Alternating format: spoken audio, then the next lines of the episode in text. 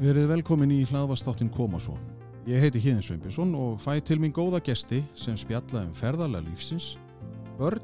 úlinga, uppeldi, ákvarðanir og allt sem að ferðalaginu viðkemur. Það er von mín að þátturinn koma svo virki sem pepp fyrir fóreldra, fagfólk og alla þá sem hafa áhuga á einstaklingnum, lífinu og tilverunni. Já, verið velkomin í þennan þátt af koma svo. Hérna í podcastuðun er ég búin að fá góðan gest og það var nú gott að ég hækkaði náttúrulega í sleðunum þegar að að þú þurftir akkurat að raska þig. en verður velkomin í, í podcastuðuna Já, þakkaði fyrir. og, hérna, og við ætlum að ræða um alvarlegt málefni Já, en samt ekki, við ætlum að taka á léttunótunum Mhm. mm svona, af því að maður verður bara að lifa og læra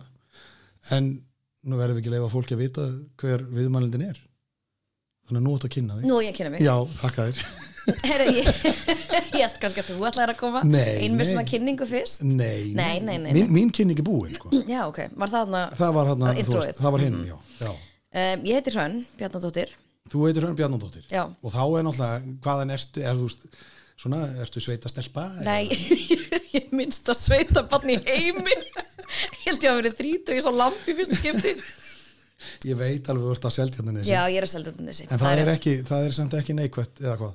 Að vera að selja þetta Já, þessi? sjá lampi fyrsta skipti þrít Já, nei, mér finnst það, eða, þú veist, ég hafði alveg séð að skilja þegar maður er að keira og sér þetta svona. Nei, og sást það í sjónvarpinu Nei, en sko, svo sá, fekk ég að sko klappa lampi. Já. Þegar ég var svona, ok, ég var svona 28 ára. fóru semst fóreldrar þínir aldrei með ykkur í réttir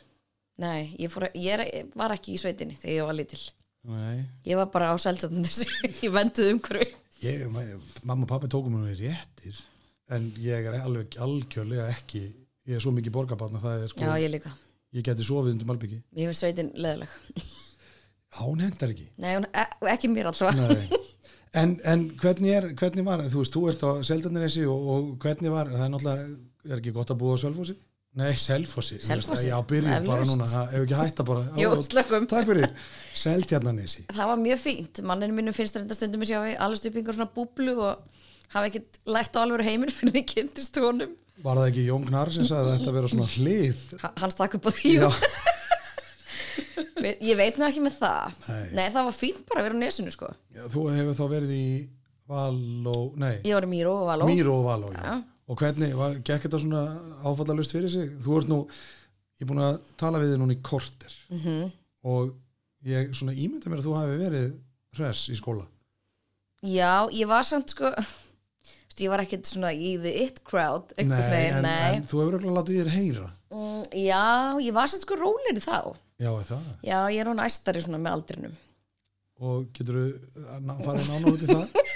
Nei, nei, ég var bara svona, þú veist, ég var bara svona venlugur krakki, bara mjög venlugur, óksla stiltur krakki. Ok, og Já, þú varstu, varstu góði námsmaður? Ég var mjög góð námsmaður, já. Fannst bara gaman að læra. Ok, Ég var svona hálfgjör nördi, bara, ekki bara að segja því svo þetta er. hálfgjörn nördi. Já, mannin mínu finnst ég ekki cool. Ég veit nú ekki að, ég, við getum nú gert heila þáttum hann mannin þinn. já, ég veit. Ha. Við getum En- gert það. En við skulum ekki ræða um Nei, nei, hann. hættum að tala um hann. Já. En, en þú ert, semst í Míró og þá ert þú bara byrjar í bara í skóla, varstu búin að byrja að lesa þá Mm, já, ég kunni að lesa, þegar þú byrjar í skóla já. og va- leiddist þér? Já, mér leitist mjög mikið. Og hvað Og gerðir? bara alveg í allan skólan fannst mér alltaf og lítið að gera. Alveg bara frá fyrsta upp í tíunda? Já, í rauninni. Já. þá mér, eða þú veist, ég, ég bara var alltaf búið með heimununa áður en ég fór heim úr skólanum og var bara búið með öll verkefnin og En þá hlýtur aft, varstu þá ekki bara í íþróttum, í gróttu eða ég var, byrja ekki að ljóstra upp um hvað, ég var mikill lúði, ég var náttúrulega í tónlist á skólanum, hvað annað? En er það, en er það, er maður lúðið, maður tekur ekki þátt í íþróttum? Ég, ég veit það, nei, Nei, ég kannski, meina- ég, ég veit það ekki. Það er nú ekki eins og þú sért Nei, ég sú var nú alveg, stærsta. ég var svolítið svona, þú veist, ég fór bara út um allt, þú veist, ég var í handbólta og þú veist, var eitthvað smá í fótbólta og svo fór ég, þú veist, jazzballett og í tennis og Já. badminton og Bara svona eins og á að vera þegar maður er Já, ég var ekkert eitthvað först í einu eitthvað að reyna að skara fram úr krakki. En svo Ég er komum kannski við nátt- engin, ég er kannski engin svaðalur íþróttumæður Nei, en svo komum við að því hvað þú skara fram úr kannski á eftir þegar að Ég við- var skulum e- ekki íþróttum Það er allavega allar ekki íþróttir. Nei, ég held En- ekki. En, en nú ertu í, nú er hérna, nú veit ég að því ég þekki Jú, náttúrulega aðeins jú. Mhm. til í, að, að, í valhúsaskóla og, og úlingadildinni að, að svo tengist hérna, það er nú félagsmyndu þar já, sem já. er uh, frekar öflugt- Selið. selið já. Já, já. og Margaret Sigurðar er nú búin að vera þar alla sína hunds og Mhm. Akkurat. katta þýrleiku við allir hún að ekki eftir að fá bara stýtt af sér hana Það gæti alveg gerst. Ha, varstu duglega að mæta þar? Já, já, ég var alveg dugleg og ég var hann í einhverjum svona leikritum í 8. og 9. og 10. bekk. Já, var Var, það- plantan í litlu hryllinsbúðin og svona. Já, Já, já, já, já. hvernig fór, varstu þá inn í blöndunni eða varstu, varstu plantan? Ég var Þú plantan. varst bara græn og svo bara Já. með svona krokodil Já, hendur það, það fannst, var fundin einhver svona græn íþróttagalli og svona saumar einhver svona græna lufsur á hann, þannig að og er það eh, frú Nilsína eða a.k.a. Nilla sem að setti því þennan græna búninga en ég held að við höfum nú bara búið hann til sjálfi krakkarnir. Það var kannski ekki drosalegt svona búningabudget í gangi. Nei, nei, nei, a- aldrei í þessu Nei, ég held að starfi. það hafi ekkert verið eitthvað mikið. Nei, nei, maður verður Mikill líka, peningur. maður verður líka að finna sköpunum Jú, jú, jú, jú. Ha. Það, það var nú bara svona heimaföndra, sko. Já, en var, var þetta ekki góðu tími? Var, er, þetta ekki, er þetta ekki svolítið, sko, seldjarnan er sér svolítið svona lokað eða ekki? Jú, jú, það er náttúrulega svolítið lókað. En, en ég meina, var þetta góður hópur sem þú varst í? Þú veist, eru þið ennþá góðu vinir í dag eða var svona mikið af einhverju, svona við, þú veist, áttu góða minningar, eða áttu góða vini frá þessum tíma? Já, ég á mjög góða vinni frá þessum tíma. Já. Þú veist, Við erum, ég þarf vinahópur minn, þú veist, við hittumst alveg og Já. við erum bara í góðu sambandi. Já, og búin að halda svona endurfundi og hlæja og svoleiðis. Já, já, en þú veist, að ég veit það ekki alveg, við náttúrulega vorum, ég held samt að minn árgangur hafa alveg verið svona þannig, bara fín. Já, Þú veist, ég manna að þetta var einhvern veginn eins og árgangurinn eftir okkur væri miklu óþekkari. já það, er alltaf þannig, það er alltaf Mhm, þannig og organgunum undan var náttúrulega ömurlegur, það er alltaf eitthvað svoleiðis. Já, ég, þú veist, það var enginn í ykkur svona miklu ruggli eða þú veist, eitthvað allir að drekka og eitthvað svona, þú veist, við vorum meira bara saklaus, sko. Já. Þú veist, og ég og mínar vinkonur, þú veist, við vorum ekkert eitthvað að reyna að komast þér í bæ þegar við vorum 15 ára. Við vorum bara heim að baka köku eða eitthvað. og svo miklu fyrirmyndar úlingar við vorum, sko, ég var draumólingur. já, þannig að myndi Sko, mamma- vandamáli er að dóttir mín, er- þú veist, ég, maðurinn mín var ekki draumólingur. nei, Þannig að við erum að vona, ég er að vona, að hún verði meira svo ég heldur en hann. en við erum aftur fann að tala um mannaðin Já, alveg, rétt. ég er alltaf að tala um mannum já, minn. við þurfum að hætta því en, við, en ertu búin að þóra að kynna manniðin fyrir liðinu í- á seldinarisi Vinkunum mínum? Já. Jú, jú. Það er á að heit mannum minn. og voru það bara uh, Já, sko, það var einhver, ég man ekki hvort það var í þessa vinahóp sem að fannst áhvert, ég náði mér í mann sem að gæti actually talað meira en ég. Það var ákveðið afreg. já, þannig að maður stillir ykkur tveimur saman ég hef náttúrulega ekki verið með ykkur í sama rými semst, Nei, við tölum, tölum mikið. reynda var ég bara með ykkur saman hvað í 30 sekundur Já, þannig já. já, Í fyrsta skipti. en, en, en hvernig er það já, hann er náttúrulega eitthvað að fræða sögur sem ég trú ekki, sko, Já, já. eitthvað samloka og eitthvað svona Já, já, já. Svo var já. hann Ekki til dí- að hlusta á svo hann. eitthvað DJ eitthvað svona, ég er alveg bara, já, Já, hann er ekki til að hlusta á þetta. Æ, Ég hann held að þetta sé allt uppspunni. hann er lögfræðingur maður trúir einhver því Nei, hann er nei. lögfræðingur segja. Ha, Þeir eru bara döl og leðileg. Þykist það að vera einhver, einhver ofurhugi þarna á sínum yngri árum. en, ha- en, en hérna, og hvar sko, svo ferði mentarskóla eða hvað Já, ég fór í Kvennó. þú fórst í Kvennó Ég reynda að byrjaði í Vestló. já, Tók þarna eina önni Vestló. Var einhvern veginn ekki alveg að finna mig. nei, og einhvern veginn ákvað bara að skipta yfir í hvern og sá sko ekki eftir því fannst það bara einhvern veginn meira Hva, ég en hvað er það við Vestló sem að, að hérna að hálf þjóðin vill fara þarna á hverju ári ég veit það ekki það er Vist, ég einhvern veginn var búin að ákveða eitthvað já ég ætlaði ég viðskipta fyrir því já, en svo einhvern veginn ætlaði ég læknisfræði og þá náttúrulega var miklu, mega miklu meira sens að fara í hvern og heldur en það er engin munur þarna á læknis og vissi þetta er eiginlega sa saman á mér hvað, já, hvað, þú veist, ok þannig að þú ferði í Vestló að því þú allir viðskiptfræðina Mm, já. en svo ferði í Kvennó að því þú allir læknisfræðina já, hefði maður þá ekki átt að fara í MR er það ekki svona meira ég var ekki flækita Nei, ég, fór, ok. ég, fór í hvern, ég var í hvern og þú fórst í hvenna já ég var í hvern og já og á hvað brautast þið? Eh, kannski félagsfræði nei, nei, ég fór náttúrulega braut Ok, já, já, já, já. og hvernig endaði það? hvernig voru mentaskóla árin? var, Þau voru mjög skemmtileg. var líflegt Já, þau voru virkilega lífleg. og, og eh, náttúrulega eignast góða vinkonu þar Uh, já, svona, já. voru ekki hlutvöllin alveg 30 stelpur og 2 strákar eða? Nei, þetta var nú, það var alltaf voru fleiri stelpur, en þú veist, það voru alveg, alveg, þú veist, strákar í mínu bekk. en eignast, það er eitthvað með hvenna það er svona, þeir sem að maður hefur heyrt í þeir eignast svona svolítið vini bara fyrir lífstíð Já, ég var meira með strákunum, sko, heldur en stelpunum. og af hverju? Æ, ég bara veit það ekki. Það bara ekstlaðist einhvern veginn þannig. Ertu svona strákastelpa? Já og nei. og djöfulgangur í þeir og alveg Já. bara, "Ah." já, en þú veist, ég er ekkert í svona strákulum fötum eða þannig. Nei, nei, það er ekki þannig sem ég meina já, ég er svolítið svona strákastelpa nei, ég, Já. ég fór bara eitthvað, var bara eitthvað að hanga með strákunum Já, já þú kannski nennir ekki þessu en ég, í chit-chat. dag á ég, þú veist, miklu betri vini samt úr háskólanum, sko Eða, þú veist, það eru vini mín segir meira í daglegum Já, samskiptum við. já, já, já, en það er kannski fleiri ári eða hvað mm, eða meira svona þegar maður er meira að la- svona eða tímum í náminu ég veit það ekki alveg hvað það er það er eitthvað neginn, já þannig að þú kennst klakklust í gegnum hvernum já, rétt svo, sko nei, nei, þetta gekk bara mjög fínt og, og nú er ég spenntur hvort verður að viðskiptafræðinu eða læknisfræðin sko, ég fór nú í endöku bröðulæknisfræði Já. komst nú ekki inn ok, þannig að ég ákvörðum bara að fara í viðskiptafræðina gott ég var vel undirbúin til það, það, já það er nú gott kláraði hana svo svona, þannig að þetta er allt í góðu en, en fi- fannst það nú gæði skemmtileg mér fannst félagslífi mjög skemmtilegt já, Mhm. já, það segir náttúrulega líka mörg orð Nei, mér fannst markarsfræði hlutin virkilega skemmtilegur já, þú, já, þú ert að skemmtileg, þér finnst það Já, mér finnst það skemmtilegt, mér finnst fjármál alveg dreifleðileg já, það er eins og svo mörgum Já, nema sumum sem og að ég skil ég ekki held líka nú ætla ég að breyta upp á manninu þínum Já. ég held að honum finnist það líka mjög vel að þú kunnir ekki að því finnist fjárfærum mjög leðileg Já, þú veist, mér finnst sumt í fjármál skemmtilegt Eða pening og svona það er nákvæmlega það en hvernig og hvað svo gerir eftir þegar þú ert búin að klára Ég hérna, já, ég fór í viðskiptfræðina, kláraði hana Og á seinasta, veitu hvernig var það Ég held að það var á seinasta árunni minni í viðskiptfræði Þá ákvað ég að byrja í hjúgrunfræði ok Ég var svona óður ein í annað Já. Kannski ert að skynja það svolítið já, tók nú þrjú ári því og sérst á öðru árunum minn hjúgrunfræði þá ákvað ég líka að taka sérst master í markasfræði með hjúgrunfræðina býtu Já. klárar í viðskiptafræðina Já, ég kláraði viðskiptfræðina en samt á þriðja ári í Mm. viðskiptafræðinni fóst í hjúgrunfræði Já, þá tók ég klásusin í hjúkunni já, já, þannig að þú varst tilbúin í þegar þú varst búin með viðskiptafræðina Nei, ég var, þú veist, á, ég, þú veist klásusárum mitt var líka þriða árum mitt í viðskiptfræði ég var tvöföldun á mig Já, og hafði bara áttuður áttur þeirra líf. Já, já, já, já, ma- ég misti ekki af ísendaferð sko Nei, þannig að þú gast farið í tvær. er Það var planið Nei, ég var nú minna í, í sósalífun í hjúkunni sko Já, Ég let svona viðskiptfræðina ganga fyrir þannig að þú fer líka í, ok, þannig að hjókan er svona, eða hjókunarfræðin er Svona side job, sko. Mhm. Já, af því að það, þú fóst ekki í læknin. Mm -hmm. Og, já, en og svo, fóstu svo, á, líka já, í svo ákvað ég, að- markaðsfræði. já, svo ákvað ég að taka sko master í markasfræði bara svona með hjúkunni Já, þannig að ef að það fær allt bara til, Já, bara, þú veist, ma- maður það var margt í bóði, ég gæti ekki bara verið í einu námi, það er alltaf lítið. mér finnst allt í henni að Georg Bjartfriðarsson kom í hugan. Já, það er svolítið með búið að fimm skjóta háskólagráður. honum á mig.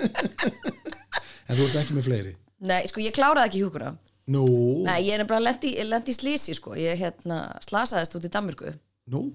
Já, ég sem sagt eh, fjórbraut á mig fótinn og fekk blóðtappa og eitthvað sem heiti compartment syndrome og var bara mjög nált í að missa fótinn. Ok, byrju, hvað, og hvað, hvað gerir maður til þess að fá compartment syndrom? Uh, maður fær blóðtappa, í, maður byrjar á því að fóbrotna, rosa við illa. skulum, við skulum byrja, þú veist, þegar maður fótbrotnar illa. Já. Hvað var, hvað var hrönn að gera þegar hún Hrönn fótbrotnar? var reyndar á liðin í HM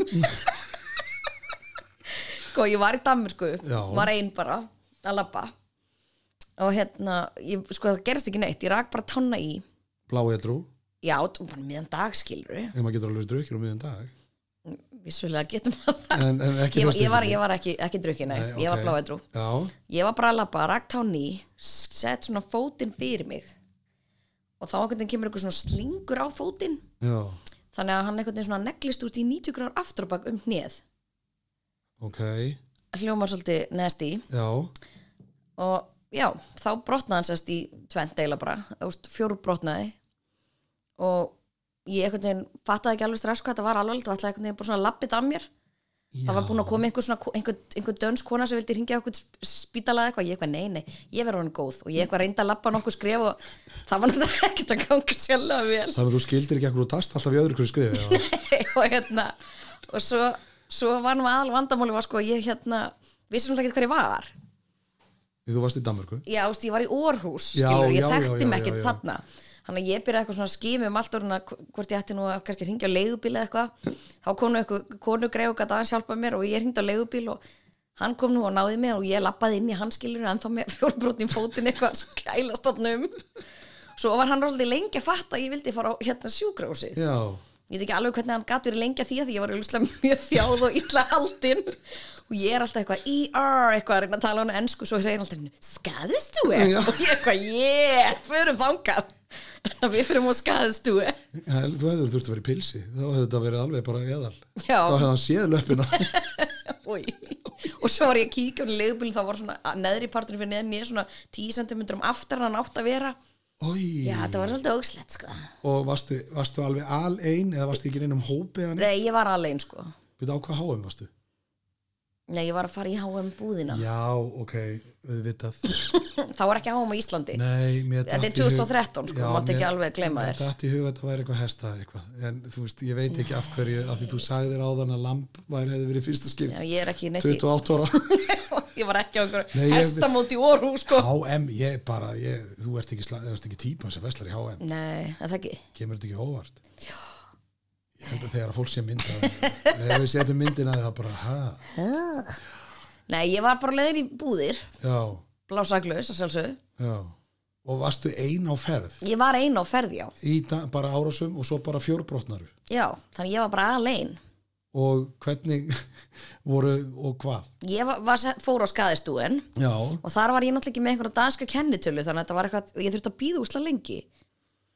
og ég fekk eina panudil með ég beið í fjóra tíma já og þú veist, ein panudil, ég er bara alveg skætt að fengja mér smarti sko. Þú veist, hún var, og ég var alltaf eitthvað, get ég fengið smá meira en ekki fyrir læknir í kemur og ég var svona, ok svo eftir fjóra tíma, þá kemur einhver, einhver lækna drusla hana einhver ungur aumingi hana og eitthvað, ég held þetta sé ekkit broti og ég eitthvað, hefur þú séð fótinn eða en ekki, það skulum samt setja í röngen svo eftir röngamindina, þá fór eitthvað að gerast þá kom eitthvað læknir og fekk alveg áfallega kosta því ég var bara búin að fá eina panodíl og ég var alveg sprautinni með morfín og ægilega góðum gýr bara já og, va- og hvernig var að vera þá þarna og varstu í gifsi alveg bara frá ökla upp í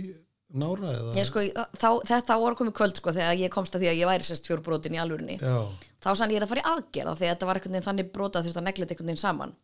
og það var ekki hægt að gera það fyrir daginn eftir þannig ég fór upp á einhverja deiltatn og láð þar inn um nóttina þar sem betur fyrir var hjúgrunfræðingur sem var íslensk já, þannig að hún gæti aðeins aðstofa þig Já, þannig ég var ekki kannski alveg eins einn og ef ég hefði verið ef að hún hefði ekki verið það því að sko danir í Orhúsi eru ekki sérlega sleipir í ensku það er nefnilega bara málið Danir eru bara, þeir halda þessu í rosa sleipir í ennsku, en þeir eru það bara ekki Já, Orhús bara var ekki einu svona að reyna sko Nei. þau kunna bara ekki ensku Nei, en þá ertu alveg líka komin út í sveit sko. Já, maður er svolítið út í sveit sko já. og hvernig gekk þetta Þannig að, fékkst, og, og hvað, ha- hvað afleðingar hafði þetta, hvað kallaði þetta Compartment syndrome, Já. svo sko fór ég aðgjörð daginn eftir já, þá hérna já, þá var rauninni bara aðgjörð til að laga broti þannig að það er nelt einhvern veginn samsætt einhverja tvær plötur og einhverja tíu skrúur og eitthvað já og svo er ég bara í einhverju svona spelku það var ekkert sett gifs einhvern veginn svo eftir aðgerðina þá byrjar allt slæm að gerast þá byrjar ég að fá svakalega verk í löppina og ég er bara alveg að drepast í löppina alveg saman hvað ég gera þeir eru búin að gefa mig fullt af morfinni og ég er búin að fara niður á einhverju stofu og láta sprauta ykkur svona taugablokki í taugarnar gafur þetta það dugi og það gerist ekki neitt og það bara breytist ekkert, mér er alltaf jafn ílt og svo var þetta orðið þannig að þeir voru orðin bara svona já, já, reyndi bara að hvíla þig sem svo tríði mér ekki alveg skiljum að væri svona ílt já, já, já. ég væri bara eitthvað svona stelpuskjátt eitthvað sívælandi Já, svo kannski sumar stelpuskjáttur eru já við skulum ekkert vera með þú veist, nei, við skulum ekki vera um fordóma nei, nei. en ég, allavega og svo það var ekki fyrir sko einum og hálfu sólaring setna sem að þeir ákveða nú að fara eitthvað að kíkja á þetta setja mig einhverju svona, að, ég veit ekki alveg hvað þetta er eitthvað svona tölvusneiðmynd, eitthvað svona til að sjá þú veist æðarnar og þannig, Já. þá er ég bara með einhvern risa blóðtappa við hnið í sér satt slagað Já, og þá er þetta verið þannig, verkefni voru sér þeir að þú veist, fóturinn var basically bara að deyja af því þú veist, það var ekkert það var blóðflæði ekki nýri hann blóðflæði niður í og þá er þetta compartment syndrom það er einhver póki utan um vöðvana Já, og þá þegar hann er svo mikill þú veist, þrýstingur og bólga að pókin er bara hann þú veist, stöffaður að þá bara byrja vöðun inn í bara að eyðileggjast skilur við já, þannig að það var það sem var að gerast og þá var náttúrulega hringt á einhvern æðaskurlækni og hún kemur, ég heyrði hana sko fyrir utan stofan að vera að skamma bæklinlækni fyrir að vera ekki löngu, löngu, löngu búin að akkur hefði ekki verið löngu búin að gera eitthvað í þessu af því þetta er vist eitthvað sem að getur alveg komið fyrir eða, þú veist, í svona já, eftir já, svona stórt brot í kringum hnýja þá er það alveg algengt að fólk fái svona blóðtapa og þess að það að fylgja svo vel með þessu og þeir voru bara einhvern veginn ekki alveg að gera það Og þannig að þetta hefur hef verið hægt að redda þessu Já, þannig að hún- hún kemur inn á stofuna, skoðar eitthvað fótinn og segir bara, herru, þú ert að vera aðgerð núna og ég ætla að reyna að bjarga þér fætinum. Uh, þá var enda mamma komin sko, þetta Já, var alltaf þrjöndu og setna já, já, já. Sæþór var sérst að hátt í ellnámskeiðinu þannig að hann gæti ekki komið, sérst maðurinn minn já, hæstaréttar eða hérastóms lögmanns réttinda námskeiði og alltaf kemur þessi maður þinn inn í þetta samtal. hann, fylgir nú kannski stundum já, við erum ekki komin að því nei, já, já, fyrir ekki við erum ekki búin að ræða en, hann en hann var samt komin 2013 Já. hann var orðin til ég sjálf það að þú varst til svona við bara fæðst þegar við kynntumst öruglega, já, ég held að og hvernig gekk þetta? herðu og hérna, hún kemur inn og segir bara herðu, ég ætla bara, ég, ég reyn eða, þú veist, ég ætla bara að gera mér best ég reyna að berga fætinum maður og ég alveg, ha, hvað mennur, geti mist fótinn já, ég, ég þú veist, get ekki lóna en ég gera mitt besta svo var mér bara rúlaði af stað og ég fór í aðgerð og þeir, hún náði sem sagt að bjarga fætinum þannig á þremur dögum náði, hefði vöðvin kannski bara verið ónýtur vöðvin er ónýtur sko og hann er ónýtur þetta snýrist bara um það hvort hún sko geti bjargað hún þýrti ekki að taka fótinn af mér já. og er, er háir þetta er í dag? já, þannig að þegar ég kem úr hún sérst náði bjargafætinum Já. þurfti að laga einhverja blóðtapa og færa einhverja æð og gera Já. einhverja svona svakastóran skurð á löppina og þannig að þú veist, ég var bara með opin skurð sem var bara, þú veist 30 cm langur eða eitthvað og þú veist, 7 cm breiður það var bara til að letta á þrýstíknum þú veist, þannig að ég var bara með opið onni vöðva Jú, jú, jú, jú. já, ég get sýndi myndir, Nei, já já, ég kannski ekki ef þú vilt já, að hérna nei, og eftir þetta þá sem sagt var ég með svona það sem kallast droppfótur þá var það sem sagt þannig að þú getur ekki lift upp ristinni já já, því það er náttúrulega ekki vöðvin og til þess ég að- myndar, þú veist, ég, þetta hljómar ekkit rosalega mikil föllun en þú veist, þú lappar svo fáiði þú getur ekki lift upp ristinni að þá þarf það að lifta alltaf upp nénu í hverju skrifi til að lufsa svona fætinum áfram já, ef þú skilur, já, ég skil já og það var alltaf haldið þetta væri bara taugaskemmt og hann myndi koma sérst tilbaka af því það getur gerst að taugin klemmist í öllum þrýstingnum já, og svo vex hún bara alltaf svona pínu pínu tilbaka en það var alltaf haldið hérna heim á Íslandi að myndi þú veist það myndi mögulega bara lagast að sjálfu sér já, þannig að ég var alltaf býtt í einn dag ég myndi ég bara vakna og geta lyft upp fætinum en það hefur ekki gert nei, svo fór ég sérst í almennlega rannsóknir loksinn þegar hún var alltaf seinar að því og þá sérst komist þér að því að vöðvin var bara ónýtur þú veist. já, vöðvin er bara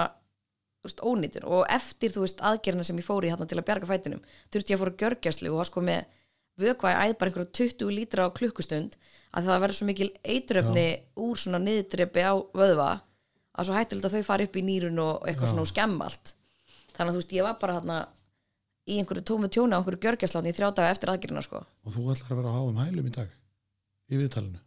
ég var svona að spáði hvort þetta væri í mynd skilur Já, ég ég- ætla að vera svona sæt ólétt kona Eigum við það að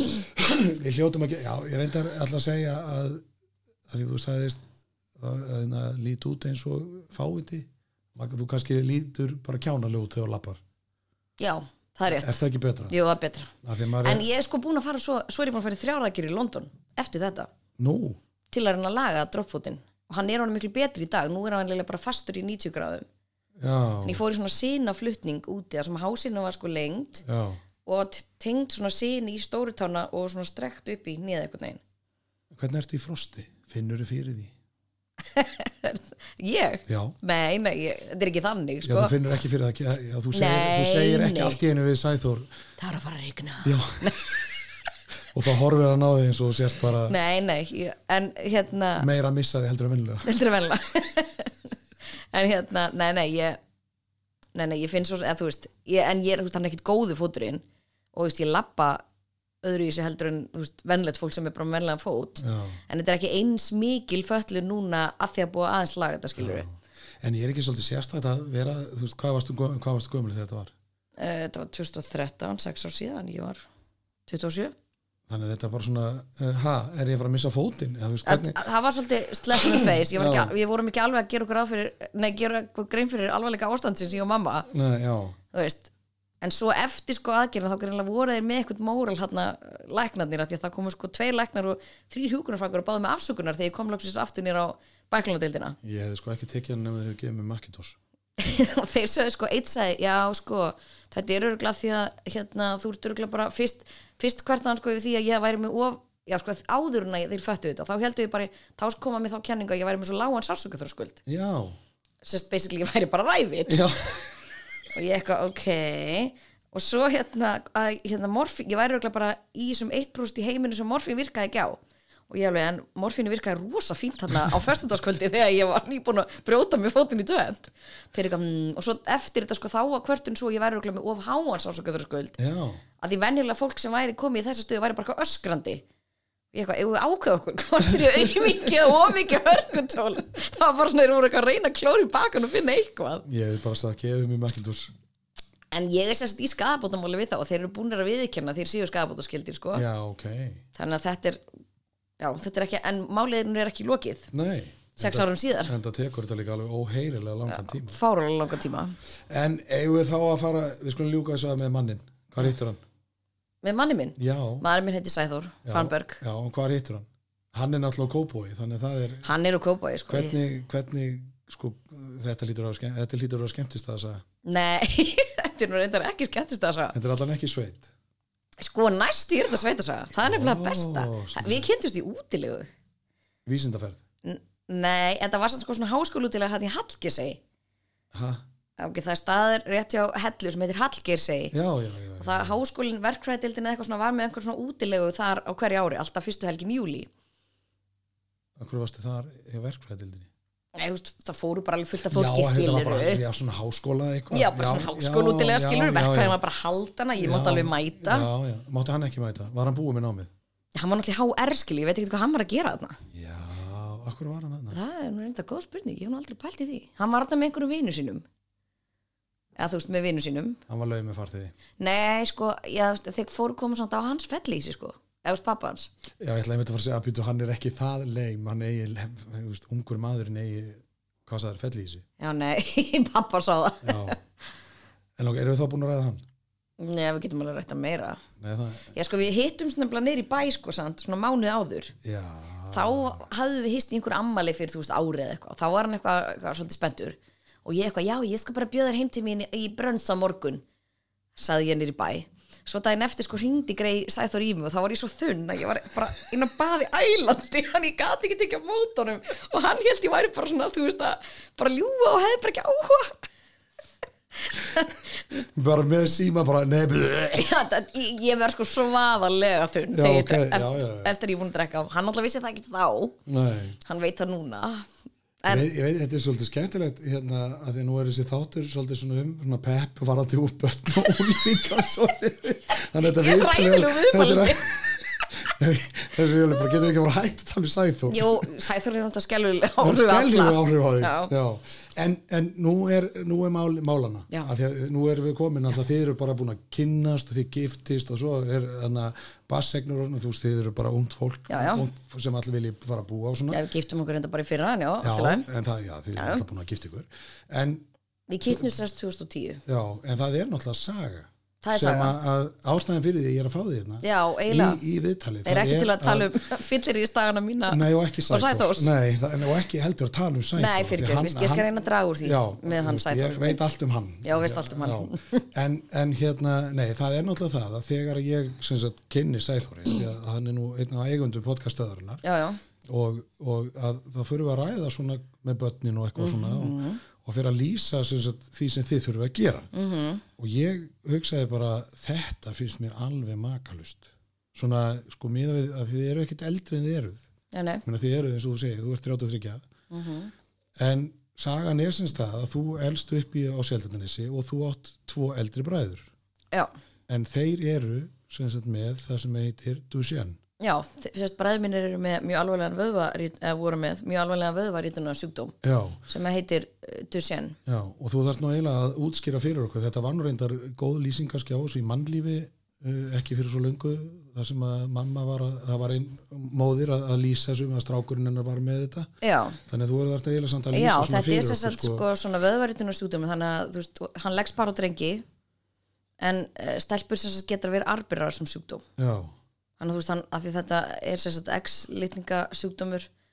og strákar er náttúrulega bara með einn X-litning en s- konum er stelpa með tvo já, þannig að þú veist, strákar geta verið annarkvort alveg heilbriðir eða með sjúkdóminn já, og stelpur geta verið alveg heilbriðar eða arbirar harperar, já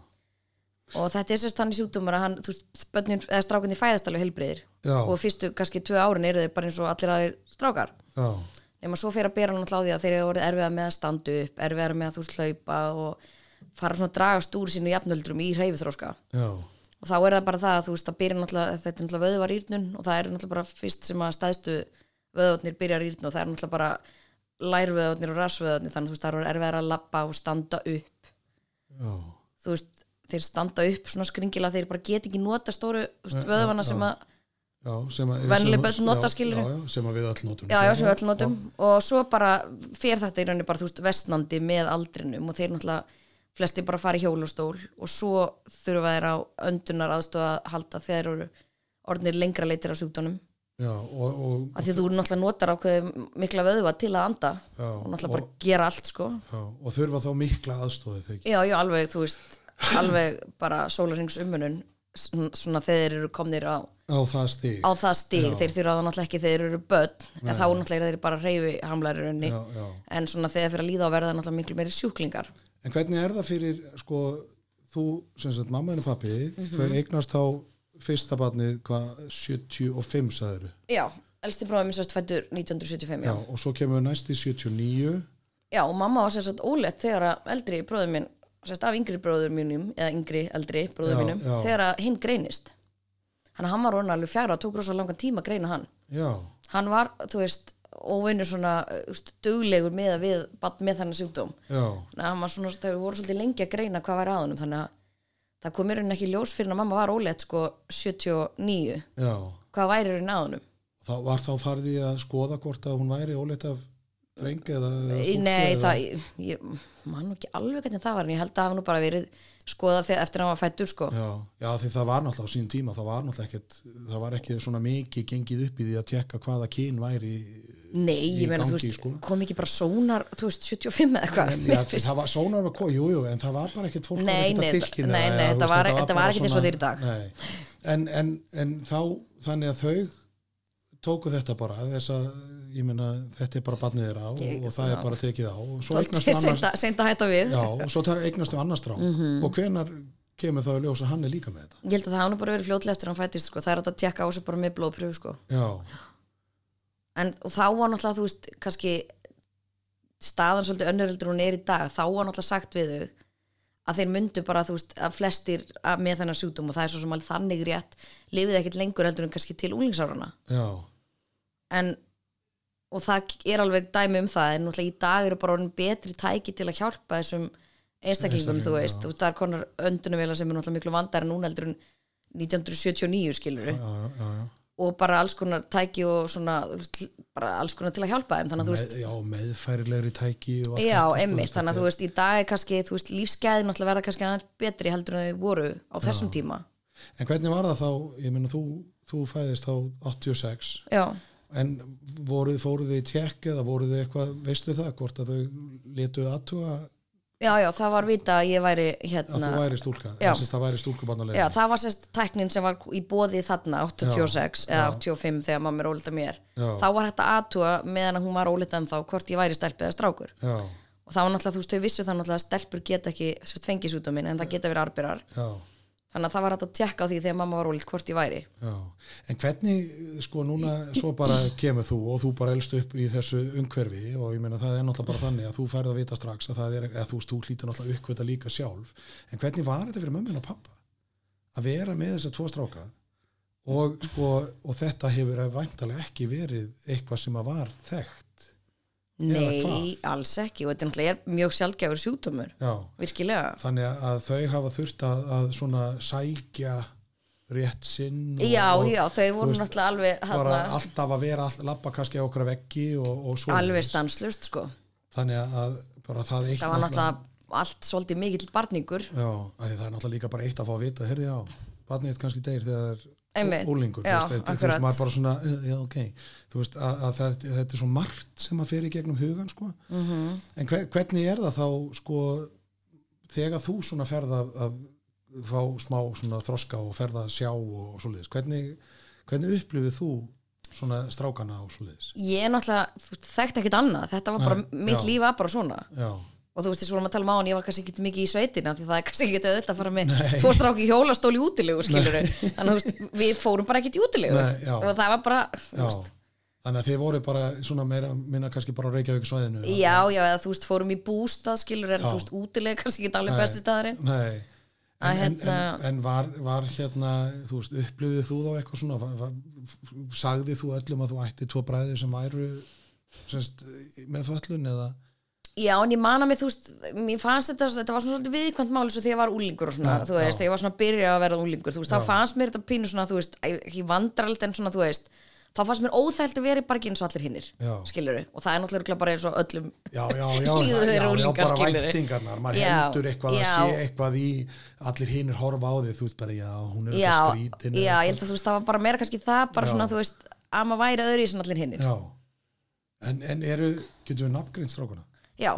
sérst, þeir héttu, sérst, annar bróður minn, sérst, lest 93, Já, hvað, hann þá náði, hann var þá orðinn 13 ára gamall, ok, 13, 14 ára, já, 14 ára, já. uh, og hann fekk bara í rauninni, var bara lasinn, fekk bara flensu eða lúnabólgu og bara, já, og það bara fór með hann. já það bara fór með hann og hann, þú veist hinn bróður minn alltaf sem er sko eldri bróður minn Já, hann er enn á lífi í dag og er hann 40 og-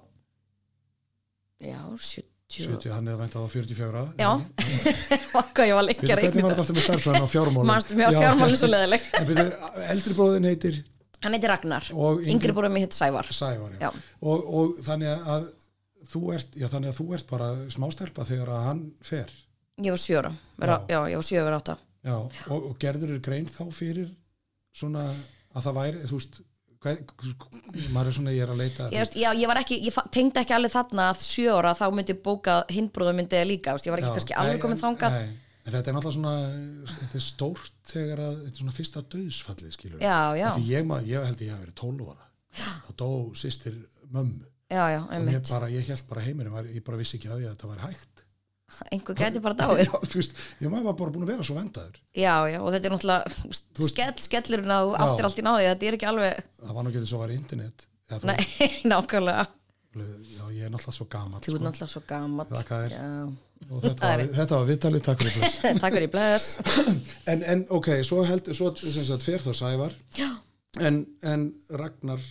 nei, jú, jú, Ragnar, já, hann er sem sagt ennþá á Já. lífi og 44 ára í dag er það svona alvanalegt eða sem- nei, hann er orðin mjög gammal já, og, gammal, já, Nei, já, miðað já, við mann miðað með þennan við- sjúkdóm já. Mm. jú, þá er hann orðin búin að ná mjög háum aldri jú. já, og hvernig er hann þá í dag svona, er hann heim, ennþá heima í fóröldunum hann byrjaði það heim með fóldri munu, já já, og það er nú svona ala bara því það er eiginlega ekkert mikið af úrraðum fyrir sem sagt, svona mikla sjúklingar sem eru ekki sko, sem sagt, sem eru ekki þroska eftir nei Úst, það er alveg til sambíl og allt fyrir fólk sem er bara þroska eftir en fyrir þá sem eru svona mikli sjúklingar en heilir í haustnum þá er ekkert alveg mikið af úrraðum bara í bóði Já, en er hann, er hann í öndunum líka? Eða? já, hann er búin að vera öndunvel alveg í 20 ár Þannig að hann, en er hann, sko, hvernig, hvernig samtölu eigið þið við hann? þú veist? já, hann getur talað sko Já, hann, já, þannig að það er þessi vél, já, hún er bara í gegnum nef sko hún er í gegnum Já. nefn, já. hann getur talað sko en hann, hann náttúrulega þú veist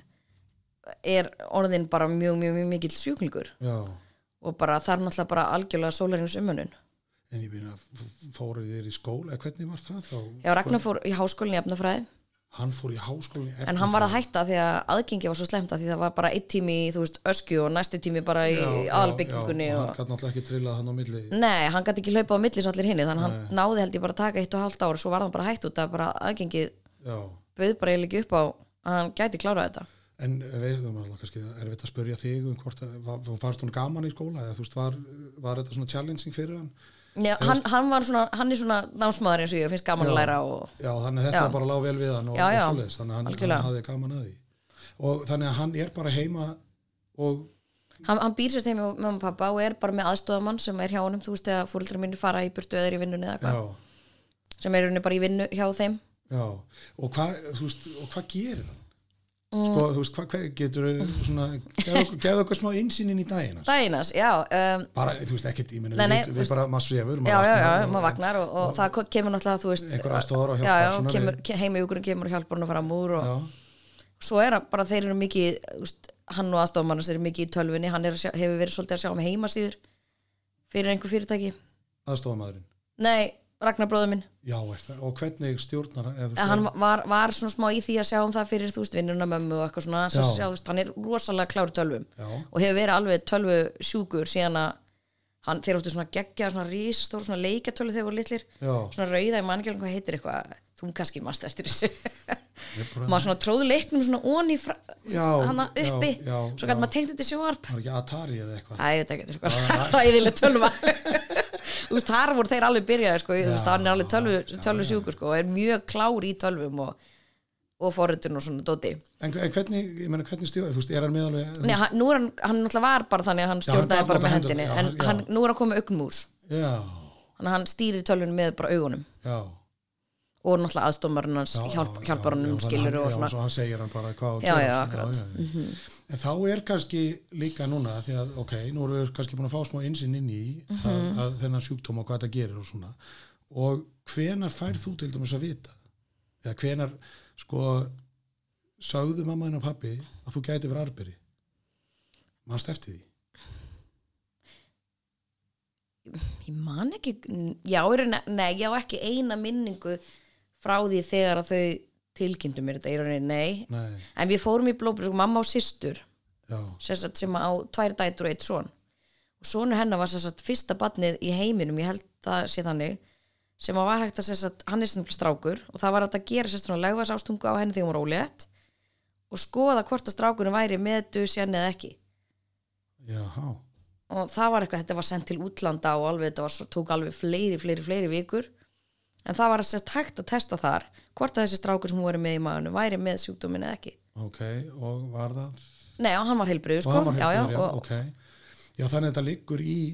í hérna, já þetta er náttúrulega væntalega því þeir eru kvenmenninni sem bera þetta Já, mamma er arberi, sýstrina með mér er arberi Já. en það er talað um að sé svona sérst, 50% líkur á því að, að, sérst, að ég, það var reyni 50-50 að ég væri arberi en hvernig, eh, þú talar um að fara í blóðpröfu fóstu þá, eða þú veist, hvenar er það sem að þú, þú veist Mér minnir við höfum nú bara verið, þú veist, við vorum kannski 12 ára eða eitthvað já, Þú veist, Ég og sérst, sýstrina með mér og sérst, dóttur sem Jakob og ég já, og uh, við, sérst, já, ég held við höfum verið svona 12 ára Þá fórum við bara í blóðbrið þar sem maður var bara að tjekka á þessu já og kom það þá í ljós að Þá þú kom væri- sérst í ljósa við, ég og báðar stætur sýstrina með mér um allar arberar já, en ég meina gerður eitthvað grein fyrir hvað það væri þá, Jú, jú, ég átti að maður, þú veist, á því en ég var náttúrulega kannski get ekki Þú beita veist, þetta- pæli þetta snerti mig ekkit Nei. þannig þá upp á að, þú veist, jú, jú, mamma sagði, vorum alltaf, þú veist, það var alltaf að tala um það að ég þyrfti að, þú veist, já, fylgjast með þessu skilur og, og, og, og þú veist, það þyrfti að rannsaka þetta um leiði og rólit og eitthvað svona já þá meira kannski þannig en þú veist, tólvar ertu ekkit eitthvað geðið þetta að plana Nei, nei, batnegni, það- skilur það er ekki svo. ég vona ekki allavega ég var allavega ekki því því að Nei. tólvara Nei, nei, en það er nú reyndar steltinni sér sæðilegt með, nei, já, já, ég veit, ræðilegu staður nei, það er sko ekki þannig Nei, en, en ok, þannig að þú veist, svo, svo náttúrulega kemur að því að þú, en ég átti, man ekkert svo sem en þú veist þetta fór kannski meira að trubla mig eftir því sem ég varð eldri og kannski komst næri sem stað þar sem þú actually þart að fara að hugsa út í þetta já, þú já, veist þegar þú ert farin að deyta eða Já, þegar þú ert farin að eiga og, stefnum já, og, já, og þú veist, ert kannski bara orðin tvítur og þú veist, það er einhver í kringu þig bara allt í norðan ólítur skilur já, já, og svo byrja allir nú bara allir að verða ólítir og, já, og, eða og þú veist, kannski ekki allir en, já, eða þú veist, maður sér ólítur og, já, já, að þá er þetta einhvern veginn komið miklu Nær, nærmanni, sko, þá allt í nú þarft eitthvað actually að fara að bæla í þessu. já, en svo gerist það náttúrulega að þú kynnist þá Já, ég kynnist náttúrulega Sæþóri og hann greið kemur hann inn alveg, já, og, veit ekki og neitt hvað hann er að ganga inn í hann af búin að upplifa afneitununa neitunin hann á fyrsta stefnumótinu Já. og jú, held ég að engan áhuga Já, en, en ég meina, þú veist, sagðir honum þetta strax? Eða hvernig svona, já, þú veist, ég er ekkert að tala um að þú hafi bara fyrsta deiti, bara ég er alberi, Já, ég er alberi neða meira að þú veist að þegar þið eru Jú, svona jú, ræða, jú, jú, að það, jú, að jú, því að þá jú, jú. hann hefur nú væntalega farið í heimsókn Jú, til- jú, ég let hann, þú veist, og- sagði og- honum alveg af já, þessu mjög fljótlega, Og jú, hann jú. hefur náttúrulega kynst uh, þá Ragnari Jú, jú, kynntist Ragnar náttúrulega og, og og þeir, ég útkýri þessi mál bara fyrir honum skiluru já, og og ég va- vissi svo sem ekkert hvernig það myndi bregðast við og var svona alveg bara- kannski bara pínu stressu ekki það að ég hafði ekki fulla trú á honum en ne, já, Þú veist, þetta er alveg pínu pakki að takast á það því þú veist, þá var ég náttúrulega búin að átta mig á því að þú veist, fyrir mig að eignast barn væri bara svona svolítið stærra vandamál eða þess verkefni heldur en bara fyrir einhvern pall út í bæ já, en hann náttúrulega bara er yndislegur, hann sæður ég er alltaf að tala um hann Nei, já, Nei, já. og hann bara, hann tók þessu bara og sagði bara, þetta er bara okkar verkefni já. Og það, það er náttúrulega bara það, ég meina þetta er bara þegar tvær manneskur hittast, að þá náttúrulega bara, þú veist, maður tekur þeim svona þessum þessum þú veist, göllum, já þú veist, Já, ekki eða, göllum e, nei, ég er meira að hugsa um sko challengeið, að þú veist Já, að já. það er eitthvað áskoranir, áskoranir í Já, já. lífinu og það er eitthvað ástæð fyrir að þið tvö eruð að gera þetta einmitt. að að, en svo náttúrulega eru þið búin að vera saman Já, við vorum búin að saman Já, við, við vorum byrjuðum saman 2010 Við, ætl, við by- byrjuðum að reyna svona 2012 já, að eignast börn sjálf. aðeignarspötn, já já, og, já, og kemur þá í ljós að þið eruð, þú veist, það er náttúrulega bara eins og í dag, ég meina það eru margir sem eru, þú veist, þetta gerist ekkert Nei, sögumir náttúrulega bara að hætta á pílinu og kortir í setna er þeir bara já, það, það, já, já, það var svo sem, svo sem ekki, ekki þannig, við vorum búin að reyna alveg svolítið einhverja mánu, ekkert lengi bara Nei, einhverja mánuði, já. sko já, þannig að þið þurfum að fara til að fá aðstoð Nei, ég fór nú bara til læknis og þá komst hún sérst að því ég var með svona fjölblöðru eggjastokka já, sem kallast sérst PCOS kannski lesum um þetta nei, já, nei, þetta er kannski ekki alveg á náttborðinu hjá mér, Ha, af er því það ég- ekki, ertu ekki að Þú veist- lesum eggjastokka hvenna mín börn eru náttúrulega 18 ára þannig að ég er, ég er alveg búin með þennan Já, þetta er, þetta er alveg svona nokkuð algengt. já, Já, já, þannig að þi- það bara kemur í ljós að það er já, eitthvað en hún let mér sérstætt bara að fá töflur Já. til að koma í rauninni, að þú veist, vandamáli var það að koma ekkert egglós já, og ég fekk bara töflur til að koma því að stað og varð bara ólétt. nú já, já, Og það var sérst 2012. já Svo Þá náttúrulega, þá byrjar náttúrulega vandamáli. Við sérst, ég fór fyrst í viðtal hjá erðar að upp á landspítala og vildi bara strax byrja á því að fara bara í tæknifrókun. já, og hann svona óbeint rálaði mér nú bara að prófa sjálf fyrst hann sagði þú veist það er í rauninni bara 25% líkur á því og það er þannig, þú veist, ef ég verða óleitt bara random heimi á mér hann náttúrulega byrjum á því að það er náttúrulega 50% líkur á þessi stelp og 50% á þessi strákur já, ef það er strákur þá náttúrulega er bara 50% líkur á að hann sé með hennar sjúkdóm já, og þá er alveg 75% líkur á því að þetta sé bara heilbritt badn já, og áður úrst komin í þessu stöðu þá er 75% hátt hlutvall já en svo einhvern veginn þegar þú ert komin í þessa stöðu þá allt í hennu,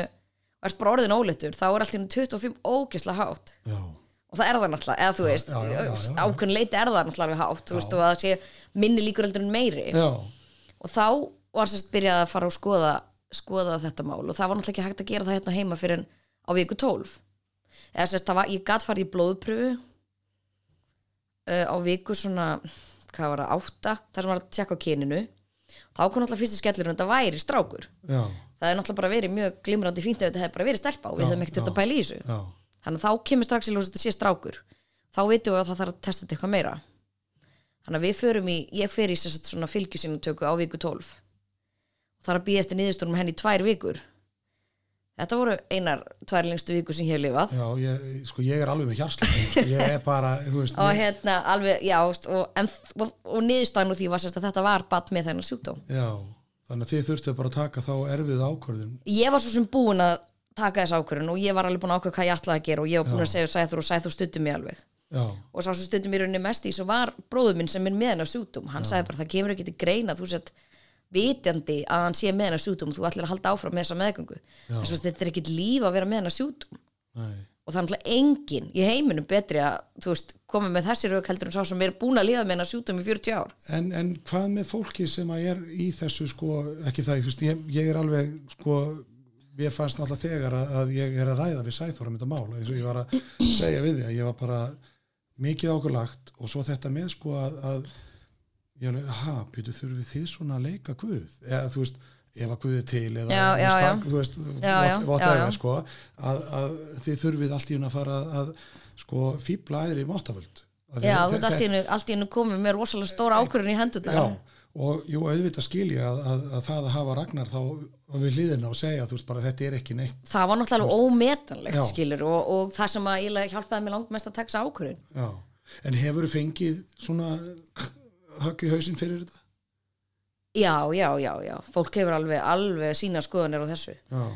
og m- mín reynsli er svo að fólki sem er mestu skoðandan hefur yfirleitt minnsta reynsla af þessum málum eitthvað fólk sem hefur kannski aldrei verið að hugsa út í þetta aldrei staðið í þessum spórum, Já. þekkir engan í þessum spórum hefur aldrei komið nálægt þessu, það fólk á rosalega öðult með að dæma sko. já. Þannig að, að, að en oftast finnst mér bara best að, að hérna, þakka nýri svona fólki með því að segja þeim að þetta hafi Mm. þessi skoðun hafi komið frá manni sem er með hennar sjúkdóm já. En það líka, af hverju ætti hann að, að segja, þú veist, heyrðu, já, það er plásinulegna mér. Já, nákvæmlega. Nei, ég meina, þú veist, og þetta er náttúrulega bara hörku vinna. og ég viðkynni það alveg að þegar ég var komin á hann stað, þú veist, þá fór maður að hugsa já, þú veist, hann er náttúrulega heilbrið fyrstu árin og þú veist, maður var einhvern veginn þú veist, þetta var náttúrulega komið inn í mann skilur, þú veist, maður var náttúrulega orðin ólittur skilur það, var, það var eitthvað að, að gerjast hjá ég, þér þú veist, já. ég, þú veist, þetta er svona lætist svona alveg aftast að auðvitað hugsa maður þetta, ég held að það sé bara mjög eðlilegt Já. en um leið og hugsa þetta bara í fimm mínútur lengra skilur þú veist, svo bara verður hann fjár ára og sex ára og tíu ára og 15 ára skilur já, þá er þetta náttúrulega eitthvað svo er allt í einu orðið bara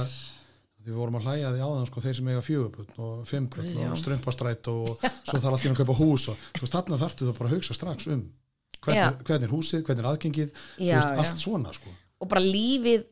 þú veist, bara eins og ég á mömmu og pappa þetta snýst náttúrulega bara, hefur bara snúist um þennan sjúkdóm, já, bara alla tíð skilur já, og o- okkar og mitt líf náttúrulega mjög lita af þessum sjúkdómi skilur já, þannig að þú veist að því að þú veist þessi og þá þarna var ég náttúrulega búin að kynna mér og ég vissi sérst að það væri tækni til, þú veist, þú gæti farið í tækni fyrir okkur og það er sem að væri hægt að skoða þetta þú veist, áður en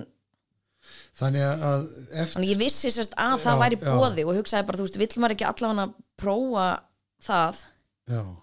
þú veist, áður en maður ákveður bara eignast batn vitandi að það er með hennar sjúdum það aðal það sem ég hugsaði, hvernig á ég get hort framan í svon minn og þurfa að segja hann að hann sé með hennar sjúdum, Já. segja já ég vissi þetta reyndar þú veist, þegar var bara komið 12 vikur Já. eða 14 eða hvað sem ég var komin já, nákvæmlega já, að þú veist, það var líka það sem að ég hugsaði bara, þú veist, hvernig á ég að geta, þú veist, réttlætt Réttlæta þetta fyrir honum, honum. já, það því ég var ekki tilbúin að kannski leggja á mig smá vinnu eða, þú veist, fara í smá, þú veist, meðferð og sprauta mig og alls konar drögga með akkur liðum og já, einhver, þú já, veist, já, já. að því ég var bara, langaði bara í bara núna að þá ert þú svona eins og þú ert já. Já, en já, auðvitað er náttúrulega, ég- þú veist, fólk má alveg vera með sína skoðanir og svo allt í góð með það En, en, en þa- þá þegar þú segir þessi tækni er komin, Mhm. var hún þeirna á Íslandi eða þurftur að fara út? nei, hún var ekki til, hérna ég sérst, ég sérst var, nei, það, var, það er ekkert að gera þetta á Íslandi Nei, það er sérst, þetta þarf, það er til svona þetta heiti PGD held ég þetta heiti þetta er sérst svona testa sem er gert bara, gert bara einu svona DNA próf á fóstuvísónum já, þannig að þú veist, það er bara búnir þú veist, það er búin til egg, eða skilur ég f- fylli með einhverjum hormónum þannig að það já, komið fyllt já. af eggjum og, og svo er bara, já, það er bara, og svo eru þau frjóku bara me, með sæði og svo koma fóstuvísar já, og á fymta degi sérst þegar þeir eru orðnir eh, svo kallaði svona blastosist heitir það, já, það er á fymta degi þá er tekið sérst sín úr þeim og þeir eru bara allir settir í fristi af því að þú veist, síni, þú veist það tekur tvær vikar að fá niðurstur úr sér sínatöku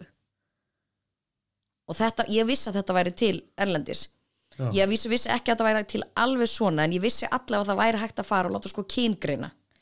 já, við vorum ekki alveg komin á það að það væri hægt að gera sko algjöra complete DNA greiningu, við vissum að það væri allavega hægt að gera sko kyngreiningu þannig að það væri það hægt að 100% setja bara upp stelpu, þú veist, fóstuvísi já, já, þannig að við vissum að hann væri bara hvern kynst þannig að við þyrftum ekki að ágjöra þessu já. En byrju, þannig að, að, að þetta er hvað, 2013 sem að, Já, nei, þetta er, tu- þetta er nómbi 2012 já, sem að, þe- þú, að þið þurfið bara að taka ákvörnum að, að, að enda meðgönguna, já. meðgönguna, já. Þannig að þið bara ákveð, ok, þetta var Þannig að bara, það var bara- þetta var þetta, ég tók bara ákvörðun um það en þá náttúrulega ertu komin 14 vikur og þá þarft að actually bara fara og fæða þetta batskiluru já, og þetta var bara í- algjörlega það erfasta sem ég hef gert í mínu lífi nokkuð tíman já, og þannig hugsaði ég bara þetta er ég ekki að fara að gera tvisar það er bara alveg sama hvað það er, þú veist, ég ætla ekki að gera þetta tvisar nei, þannig að við fórum bara starf og ég það, bara eiginlega liggu við bara á spítalum bara hvernig get ég byrja aftur Já. þær voru alveg bara svona, jæja, viltu ekki bara jafna þig ljúfan, þú veist, þær voru alveg bara svona hvað er að þessari konu þú er svolítið kefnis. Já, en ég varð bara, þú veist, hald, þú veist það var bara já. mi- mi- mín leið út úr þessar merfileikum var bara að halda áfram, þú veist, Já. næsta skref, næsta skref, áfram skilur, hvernig getum við, þú veist, haldið áfram, ég varð að vera með eitthvað plan, Já, það var svona mi- mitt svona survival mode bara var að vera með plan og halda áfram, þú veist, Já. keiri þetta bara áfram, já, í staðan fyrir að vera bara eitthvað að býð og slaka og jafna mig, ég vildi ekkert jafna mig, mér langaði fyrir bann, já, þú veist, ég var bara þar, algjörlega. já, en það er líka með kannski alveg í þokunni, óleittu þokunni. Já, bara, já, ég meina, auðvitað skilur, ertu- Og búin að, þú veist, þú ert bara komin á þann stað. Já, já, auðvitað var ég náttúrulega ekki að fara bara tækni fyrir okkur daginn eftir en, en þú veist, ég hefði líku verið til ég að þarna Maður þinn alveg bara, nei, viltu ekki að þið, bara ég ætla það það. Já, nákvæmlega veist. Andsetin- En þannig er maður bara kom, þú veist þannig, þú, þið langar bara í bann Já. það er eina sem kemst að í haustum maður Já, Í rauninni. Og hvað ge- fóruð þið bara þá á fullt? Já, þetta var í að- nómber og við fórum sérst, þegar ég sérst fóbrotna hana, skemmtilega sagan á þann í Orhus, þá var sérst ákveðið þannig við fórum sérst á fundi artmedika og þeir sérst bent okkur á klinik sem er í Orhus Já, í Danmörku og það var sérst kliniki í rauninni sem að þeir voru einhverju pínu sambandi búin eða sérst eitthvað svona samstarf eitthvað við þá og það var þetta, eða sérst einhvers bara ríkispítalinn í Orhús og þar var sérst hægt að gera þessar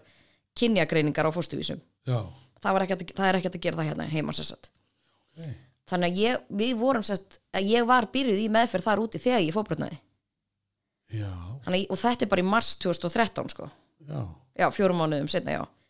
þá er ég úti og sérst Sæþur var búin að fara út og undan því hann var á svo námskeið náttúrulega akkurat á sama tíma þegar þeir ringdu bara allt í hennu bara já þið getið komið núna já, og þú veist þá var kannski ekki alveg bara hægt að henda öllu frá sér og Nei, nei, já, maður já. þarf líka sko að vera lifa lífinu skilur það er það er skildur og eða, þú veist maður það var auðvelt bara algjörlega týna sér í þessu en, já, já, já. Ég En þú meina, veist, hann var bara í lí- skólanum lífið- og já, kláraði já, og allt já. þetta sko þannig að hann var sérst búin að fara og var farin og mamma var sérst alltaf að koma eftir tvo daga já, og ég var sérst textina var ég í Orhus það var ástæð fyrir ég var þar já, til að fara á þetta sjúkrahús þannig að sko ég fekk að fara í sjúkrabíl af sko gjörgjaslinu veist, í eggheimtuna af því þá var þú veist var það náttúrulega takull ekki sem var búið að vera að bústa mig upp einhverjum hormónum með og það er kenningin essert svo að, að því þú veist það er náttúrulega verið að gefa þessu mikið af hormónum þetta er svolítið bara svipa á hormónum þegar þú ert óleittur og þau svona slaka á öllu liðböndum já, og þess vegna hefur þess vegna hafið sko brotur svona svakalega slæmt af svona litlu þú veist Já, já, átakiða já, þannig já, Svo að þeir sem þú veist, þetta er bara svo að hafa bílkýrt á nýðaður skilur en þú veist, það gerist ekki neitt fyrir það ne, já, og ég er náttúrulega með löngliðbund fyrir Já. þannig að þetta var svona kannski kom allt saman í að já. búa þetta allt til En, þannig að þú náði, náði samt að fara Já, ég er náttúrulega ekki að stoppa mína meðferð ég var náttúrulega bara að þú make a í, baby í morfinmókin í morfínmókinu mínu, já það hefur glæður einhverju gæða fórstuvísar alltaf getið þið tekið ekkin allir þér hafi verið bara ekkin þau voru bara svona, já, allar er bara að halda áfram með meðferðinni ég bara, já, sjálfsög en var þá ekkert búið að svona morfin spilla ekkjum Jú, jú, eftir, ég veit það ekki en svo, og við fórum aðna og þetta, þetta klinik var ekkert ekki alveg jú, jú, þegar ég fór í ekkheimtuna og það náðust sest, það voru, náðust einhver átta ekk eða eitthvað og tvö þeirra voru, og þá strax komst við því að sex af þeim voru kallkyns og bara tvö kvenkyns já, það er sérst maðurinn sem ræður kyninu Sæþór býtir svolítið mikið að strákum já Mhm. skömmin, skömmin, og ok nú er ég búin að komast að því og hérna, þannig, og þeir voru náttúrulega og ég vildi sko fara bara í uppsetningu þarna en þá voru þeir bara, nei, nei, nei, nei, nei, það er ekki að fara að gerast þú veist. og allir í hjólastól, þú veist, ég voru í hjólastól í fjóra mánu, skilji og bara í hálft ára að geta labbað aftur ég ætlaði samt í uppsetningu en þeir, þessla keppnis já, þeir náðan á stoppum þetta er sérst í mars og ég fer í uppsetningu hvort það var í september ég held ég hafa ekki getað beðið lengur þá á september 2013 já, þá fer ég sérst út til Orhús í uppsetninguna já, og þú hefur vantilega farið fleiri en einn uh, einn fór sæþór með þér já, já, ég var ekki ég, Nei, þér hefur ekki verið treyst að fara einn Jó, reyndar alveg nokkur sér mér Það tók svolítið tíma að fá þau til að treysta mér aftur Mömmu og pappu og Sæþór Það er alltaf núna bara, farðu valega Bara, Já, já, já Alltaf er að fara eitthvað, farðu valega Svo ég sé bara vil, Einhver al- Bara rakvallabólku dauðast Já. Þetta bara um hverja hólu þannig að þið farið þannig í september og, Já. og þá er uppsetning og Þá er uppsetning og þá svona eða sérst, áður en við fórum heim þarna eh, í mars þá lendi ég í svona smá upp á kant þarna við læknin og okkur var svona búið að lítast ekkert selja vel á þetta klinik alveg frá byrjun sko já, þú veist og þegar Sæþór kom hann fór hann að gefa síni sitt þá átt hann bara að skilja þetta eftir einhver ómertu glasin á baði og það var allt svona eitthvað voða óprofessional fannst já, mér já, já, já, já. og svona læknirinn alveg einhver skap á svo að kasta eitthvað eh, rausa yfir fárveiku konunni og það var ég sér satt já, já, ég veit að og, og já, og við svona vorum að báða máttinu við hugsaðum, herri, við, við förum nú samt í uppsetningu við eigum hann og tvo fórstu visa já, fórum í uppsetningu og það var svo sem ekki úr því eða þú veist, ég varð ekki óletta á þeim ekki já og þá og fór voru ég bæði sett upp man ég þetta, ó, þetta eru fljótt maður, það rennur svo saman, þetta var bara með fyrir eitt af sko fimm en ég man ekki alveg hvort, na- hvort það var sett upp bæði eða annað nei jú, það voru sett upp nei, annar, nei, að þeir afþýtt þeir allir settu báða, þeir afþýttu að þá lifði bara annar af fristinguna, já, en það var bara til einn Ok. hann var settur upp já, og ég varð ekki ólett á því nei og þá eiginlega strax voru við nú svona hvort það væri kannski ákveðum að fara aðeins að skoða hvort það væri kannski eitthvað annað í búði já, hvort það væri þá í öðru landi, öðru klíniki og pappi á sérst mjög góðan vin sem að vinnur í Skotlandi sem er sérst kvensjóttumalæknir já, og hann fer bara hans í smá rannsóknarvinnu fyrir okkur og bendur okkur sérst á klinik í London sem heitir Boston Place Clinic já, og segir þeir geta og s- segir okkur frá því þá fáum við að vita það að þeir geti gert þessa alveg komplít DNA greiningu á fóstuvísunum algjörlega áður en þeir eru settur upp þannig að þá væri raunin, þú veist, þá er hægt að tjekka líka hvort það sérst stelpu fóstuvísunni séu arberar eða ekki já, já þannig í rauninni þið getur stoppað já, og erum að gera það núna náttúrulega já, við vitum það að embla dóttur okkar er, þú veist, ekki arberi heldur, þú veist, hún er 100% já, tilbrið já, já, það vissum við bara áður núna að setja upp já, skilur já, já, já, já. þannig að við ákveðum að fara þangað og þar var nú doldi annað upp á teiningnum með að við sko Orhús Orhús var svona bara svo einhver svona spítali í eitt nam bara hlýna þessu þarna var bara einhver marmara kólf og einhverjar rosalega Þannig að- blómaskreitingar þannig að og... þið hafið þið lent í því að þurfa að borga alveg mökka pening eða hvernig Jú, jú, þetta var náttúrulega alveg sko ég vann ekki með þetta Danmörku dæmi, það var nú ekki svona dýrt en þetta London klinik var náttúrulega alveg rándýrt já, en við fengum sér að sóttum um eh, greiðslu þáttöku frá SI á þeim fórsendum að það væri henni ódýra fyrir þá að hjálpa okkur eignast heilbritt badn heldur kostnæri sem fylgir því að eignast badn með hennar sjúkdóm já, og ég menna getur ímyndað hvað kostnærin er við eitt svona, s- svona veikan einstakling bara á heilli mannsæfi já hann er náttúrulega svakalegur í alls konar þú veist heimahjúgrun, hjálpatækjum, þú veist bara öllu og það, það hefur verið samþýtt og það var samþygt sem betur fer, annars hefði við náttúrulega ekki geta gert þetta en þetta náttúrulega hafði samt með í för með sér gríðlegan kostnað já, þú veist, þó að sé eitthvað að hluta þessu endurgreitt, þú veist, þá þarf að fljú út og þú fyrst alltaf bara flug fyrir þig og ekki einhvern annan og Já. þú veist, þetta er náttúrulega líka þess eðlist og vil kannski ekkit vera þarna mikið einn skiluru nei, nei, já, já, og ég þurfti náttúrulega, mistir náttúrulega gat bara ekkit vera á vinnumarkaði já og var náttúrulega bara, já, hæ, þú veist, kláraði ekkit hjúgrunafræðina og þú veist, fór bara í þetta mál, var bara ekkit að vinna, var bara í þessu já, að því ég þurfti náttúrulega alltaf að vera úti í London í alveg kannski tvær, þrjá vikur í einu já og En þannig að þú, það, þú segir þið eh, fimm skipti þannig að þú hefur farið í ég fór í fjó, þrjú- fjór, fjórar heila meðferðir úti, úti í London já, áður en að embla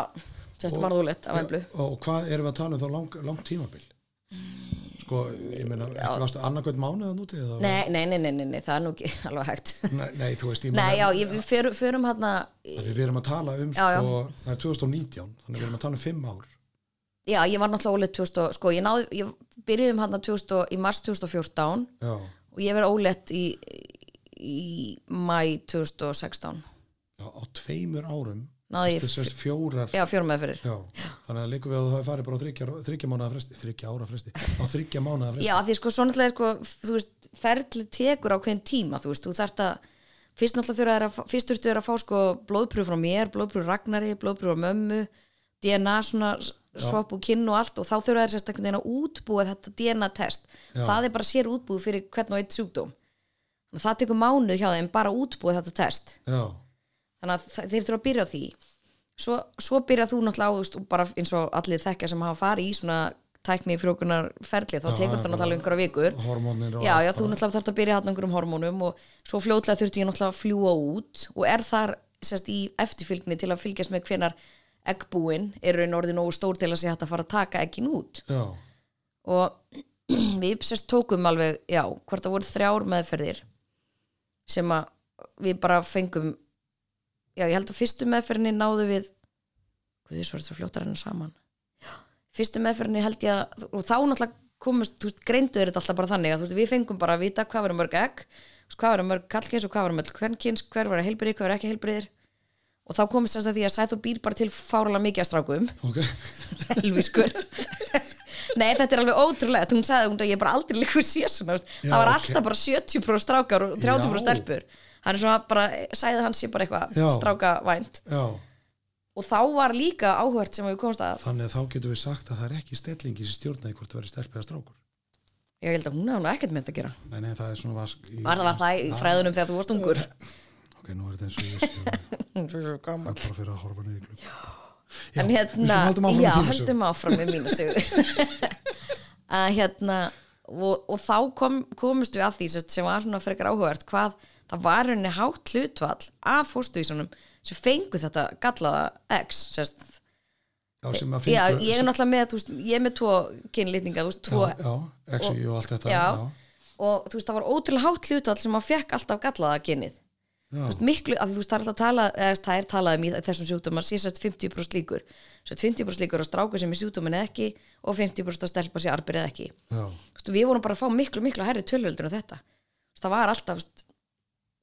alltaf miklu hærra hlutvall sem var með gallaðaginni heldur en voru helbriðir já, og svo náttúrulega vorum við líka lendið smá vandram að því ég er með þessa fjölblöðru eggjastokka að þá er sérst er ég, þú veist, með léleri egg og þú veist, þú veist ég á erfið, eða, þú veist, það kemur ekki eggl og sjá mér náttúrulega já, já, þannig að það þarf að líka að hjálpa þið með það Já, og þá kannski, og við vor, lendum, það var sérst í rauninni vandamál í þessum fyrstu þremur meðferðum að þú veist, við vorum ekki að ná nógu miklum fjöldaveggjum og gæðan eggjunum voru kannski ekki alveg nógu góð. já, En af þessum þremur, já, sérst, fyrstu tveim meðferðunum þá náðu við að fara í tvær uppsetningar og hvoru að þeim hafði neitt að segja. sem er líka högg Sem er náttúrulega rosa högg, þú veist, maður var alveg, ok, við erum búin hérna í meðferðnúmer, hvert að var nú samt bara úr meðferðnúmer eitt held ég hreinlega. Nei, já, meðferðnúmer eitt held ég að við höfum ekki náð neinum eggjum. já, eða sérst ekki neinu heilbriðu en í meðferð nummer tvö þá áttum við sérst tvær stelpur í fyrsti, önnu var sérst við síða arbyrð og hinn var heilbrið, þannig við byrjum á að setja þessa- setja þess að heilbrið upp, þá vildu þeir bara setja upp eitt egg sko og það gekk ekki og mánuði setna fór ég í aðra uppsetningu og hún gekk ekki heldur þá var mann orðið svolítið brotin sko þú veist, það var svona, að því maður hugsaði bara ok, ég kom inn hérna, þú veist, nú fer ég í uppsetninguna og nú er ég brólið já, að maður einhvern veginn, þú veist fannst þetta vera einhvern veginn svona minnsta skrefið þú veist, þegar maður væri actually komin með fóstuvísin sem væri búið að testa og maður vissi að hann væri heilbriður þá ætti bara hitt að vera já, piece of já, cake já, skilur já, já, og þá bara verður, bara gengur hitt já, ba- eða þú veist, og maður bara svona en svo náttúrulega þetta við ferðans að lesa til um að þá náttúrulega er- er ekkit rosalega hátt svona eh, success rate á uppsetningum Nei, já, og hérna en þeir úti eru bara með þannig protokóla ef það eru tvær mishefnaðar uppsetningar þá fara þeir bara í heljarna rannsóknir á þeir og ég fór bara í svaka blóðpröður og alls konar skoðanir og allt bara til að gá því það er vist alls konar svona skortur á einhverjum efnum og eitthvað alls konar svona sem að getur valdi því að sérst, uppsetningar takast ekki sí, já, ok, já og þetta er kannski eitthvað sem er þú veist ekkert mikið verið að rannsaka eins og hérna oft er konu bara búin að fara í átta uppsetningar og, já, já, og, og ekkert verið að rannsaka akkur þetta tekst aldrei já, já, með tilhengandi kostnaði og allir, Men- já og bara á andlegu og líkamlegu álagi já, þannig að og þ- svo var ákveðið að senda mér sérst í svona leghóls speiklun mhm og svo það var, já við vorum ekki alveg byrju, við vorum ekki alveg komið þákað ég er aðeins á undan áallum ok, já, þú verður að passa já, tíma, já, fyrirgjöf, tímasendingum. ég fyrirgjöf, ég er, að- ég er að rugglast alltaf ég var sett í alls konar blóðpröfur og alls konar sko það komst í ljós að það var ekki það þannig að hún ákvað sérst minn læknir úti já, hún sagði bara, næst þegar þú átt að fara í uppsetningu þá ferðu bara í leghóls speiklun á undan og það er sérst speiklun þar sem að bara er einhvern veginn, þú veist, svæfður og það er speikla sérst leiða innan að því hún sagði að það getur verið örvefur sérst eftir hinafæðinguna að það var sérst smá, þetta sérst gekk frekar illa þessi fæðingkjámi 2012, það var smá fylgjubiti eftir já, og ég þurfti þurft að fara í smá svæfingu og svona útskraf til að ná honum í burtu hún sagði að það getur hafa gert einhvern svona örvef á leið Já. og allir svona örvef er bæði eftir keisaraskurði og alls konar svona geta haft slæma áhrif og svona sérst, getu legsins til að taka á móti ekkinu já, þannig að hún sagði ok, við skulum bara hérna skulum bara taka hérna förum bara í svona speiklun áður fyrir næstu uppsetningu og svo tók ég sérst meðferð númer fjögur og úr þeirri meðferð bara fengum við bara ekki eitt egg þess það náðust sex og þau voru bara ekki dæmi náði nógu góðum nógu, sérst, var það nógu þú veist, eh, Ekki- það var ekki nógu góð þessi- gæði já, að það það var- náði já. aldrei þau náði aldrei upp í þetta blastosist stig já, þá var, var, voru við alveg eða ég farin alveg alveglega íhuga bara gjafa ekk og alls konar þú veist, ég var alveg komið þangað já, en það þá búið með fjóra heila meðfyrir og það gekk eiginlega bara ver og ver sko já, þú veist, en heldur að það hefði þá verið svona heilin á þeir farin að, að bara, bara neita þér Eða Gefast þú veist- upp? Já, nei, nei ég held þann, ég vei sko, býtu þá fór mín í rannsóknar leðangur ok, og ég fór að lesa mig til hitti svo bara fyrir tilvílun stelpu í afmæli og hún sér satt var líka með svona fjölblöðru ekkjastokka já, og bjóð út í Danmörku og þar er vist einhver lækni sem sérhæfi sig í þessum fjölbjörn ekkjastokkum og var búin að gefa út bók þar sem var búin að rannsaka áhrif á mataræði á þetta syndrúm og hún segir bara já ég bara slefti öllum kolvetnum og fór bara svona lágkólvetna mataræði og ég var bara ólétt og ég eitthvað já ok þannig ég fyrir bara heim og er bara alla nóttina í tölvuna að googla þetta bara já, og bara fann þvílíku mikið af alls konar rannsóknum sem voru bara búin að sanna það að þetta matræði væri bara að gera kraftverk fyrir þess að gæði ekki hjá konum sem væri í vandræði með þetta bæði bara til að eignast bara náttúrulega og svo konum sem væri í svona teknifrókuna meðfyrum já, þannig ég hugsa bara, heyrðu ok, tökum eini viðbót við ætlum bara að taka eini viðbót og svo ætlum við bara að fara að íhuga hvort það þyrfti ekki bara að koma inn með gjafæk já, en mér fannst það rosa erfið og það er náttúrulega örugglega mjög erfið ákvörðun að þurfa að taka Já. og Þið hef ekkert verið að hugsa það bara ætliðingu eða eitthvað. nei, ég var einhvern veginn ekki tilbúin að gefa upp á bátinn að ganga með bann eða þú veist, já, ég, já. segi núna ég er sérstætt komin 30 vikur og ég er að gefast upp á sróletu þannig ég veit ekki alveg hvernig ég held svona fast í þess að meðgöngu drauma nei, nei, allavega hana, Já. koma því betur á eftir Já, og hérna og ég hugsaði bara, ok, við skulum taka eina meðferð og ég ætla bara að prófa, ég ætla bara algjörlega að breyta mataræðinu mínu þannig ég fór bara á alveg lágkólvetna og sleppti öllum mjólkuverum var bara á þessu í sex vikur áður í fyrir út aftur já, og sérst, meðferðin á undan var í sérst januar, svo er ég þrítu hérna í februar og við fyrir til Bahamas og, og hérna Miami og eitthvað í frí bara ég og Sæþur og mamma og pappi komum með vorum alveg í 12 daga eða eitthvað svo bara ég kom heim þá bara byrjaði þessu maturæði alveg lágkólutna, enga mjólkur ekki neitt var að þessi í sex vikur fór svo út aftur í næstu meðferð og sérst það höfðu nást í á hvað voru 5 eða 6 egg sem höfðu nást í hinni sem meðferðin á undan og ekkert að þeim náði sérst þessu þessu stíi. þessu já, stíi sem maður þarf að ná til að geta að testa þetta Já, fór út í meðferð, nákvæmlega sami lífaskamtur allt nákvæmlega eins og bara í fyrstu skoðunni fekk hún bara sjokk og sagði bara vá, hvað er að gerast þá voru bara miljón eggbú komin og þá var bara allt í allt í bara blóma hann hann inni, það sem þetta átt að vera og hún var alveg bara, hún sagði vá og svo bara heldur þetta áfram og hún er alveg hún stressu bara undir lokin hvað þetta sé orðið mikið af því að það getur sérst gerst að ef að sérst, það verður of mikil Of- örf offramleiðsla, já, já, já. of, þá verður bara svona, þá færði svona of örfunar syndrúm, Já. getur bara orðið mjög lasin þú veist, þetta getur orðið alveg alvarlegt sko já, og hún var bara hann hálf smeg sko, hún sagði bara það er bara komið allt og mikið hérna og við erum bara einhvern veginn að trappa þetta á og alveg bara já, við erum bara að fara að taka þetta núna og,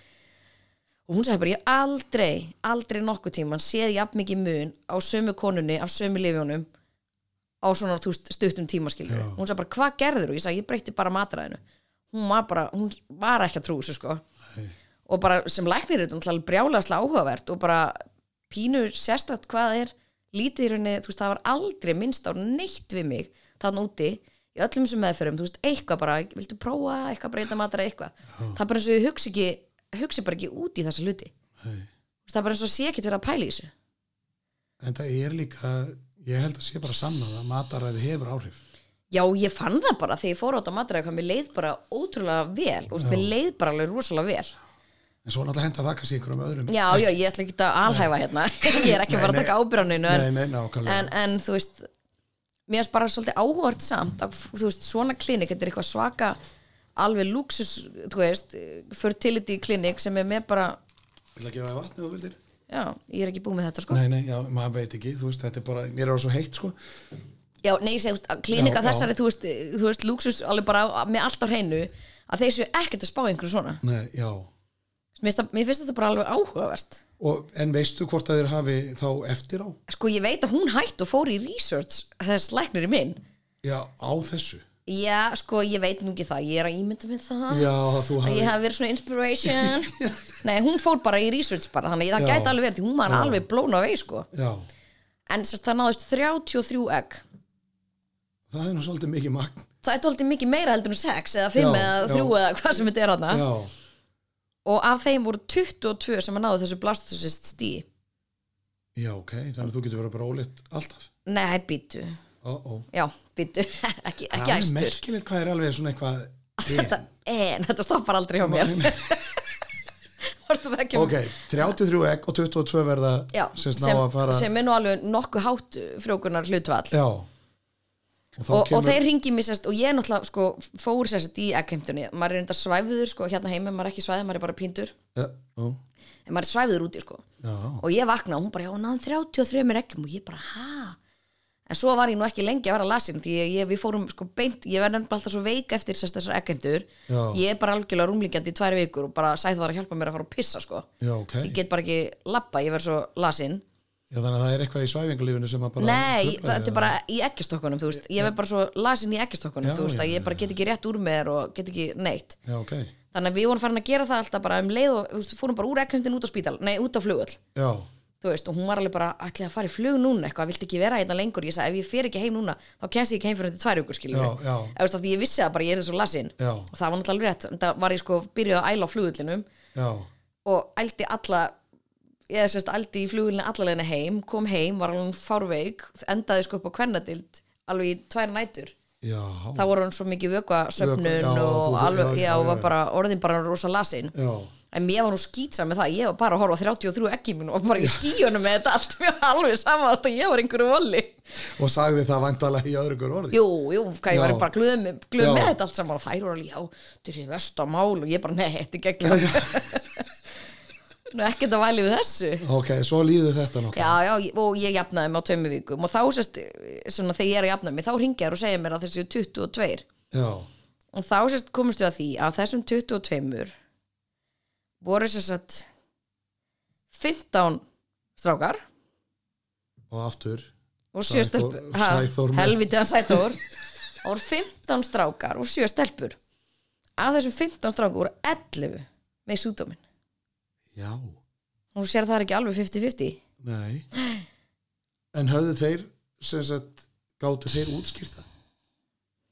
Nei, þeir segja, þú veist, hans að þetta er náttúrulega bara 50-50 þetta er bara eins og fólk sem á sjö börnum, þetta er allt saman kynið já, þú veist, þegar þú ert búin að eignast eitt bad þú veist, í næsta skipti er ekkit líklega sér strákur þó að það hafi verið strák, þú veist, stelpa seinast nei þetta er bara alltaf 50-50 skilur Nei, að því að, að því að þú ert búin að tala svo mikið, þú veist að það er 25% eða þú veist... Já, 50, meina, með það- þú ert ekki að tala um Já, kynjahluta, þú ert að tala um nei, hitt. Ég er að tala um, þú veist, eða eru, þarna voru 15... Nei, þetta er bara, svona er bara líkindi, þú veist 50-50 er bara 50-50, við hvern einn og einasta skilur og Já. það hefur engin áhrif hvað gerist á undan og eftir skilur, það er bara alltaf 50-50 Að þannig að þó að þetta hafi verið, þú veist, 15 strákæk, að þá voru 11 bara, þú veist, það er ekki það eða þetta átt að vera 7-8. Ég er náttúrulega, í Já, fullkonu heimi, jú, já, ætti það náttúrulega að vera þannig en, en þá náttúrulega, sérst, var maður alveg ennvisar um það að það var eins gott að maður var ekkert sjálfur að reyna þetta mikið meira, því fyrst alveg býr sæþur ekki til neitt um að stráka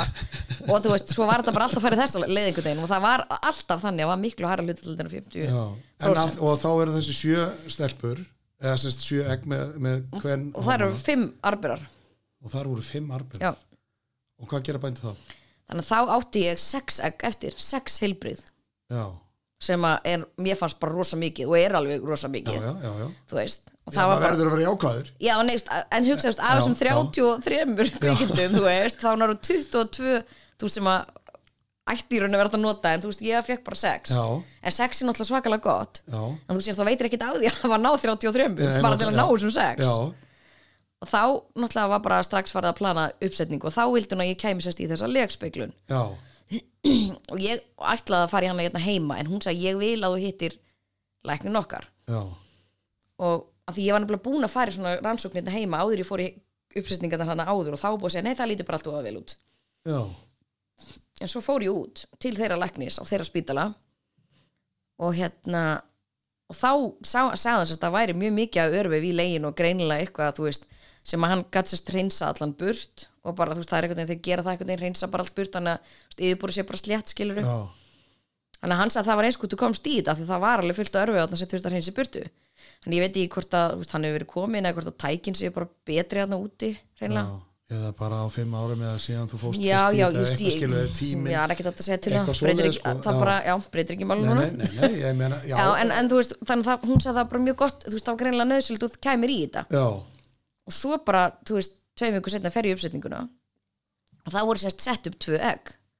eitt stráka og eitt stelpu ok og við vorum alltaf veist, í mjög talandum að leika guð þannig er ég bara með blað í höndunum þar sem stendur bara fórstu vísi 6, hvern kyns heilbriður fórstu vísi 7, þú veist og ég bara heyrði til að fá 6 og 8 þú veist, Já, þetta það er var bara bara eins og svona að bara hvað- panta dominos Já. eða eitthvað, þú veist, þetta er alltaf stað sem þú átt ekki að vera í en það líka, hefði þið geta valið eitthvað svona staðið og sagt bara, já, hefur ekki fótt stelpu núna eða þú veist, eh, ég sko, hún, af því að minn sjúkdómur erfist sérst eftir kyni þá Já. í rauninni, stakkilega sér meiðu ekki segja mér hvaða kyn hver er nei, en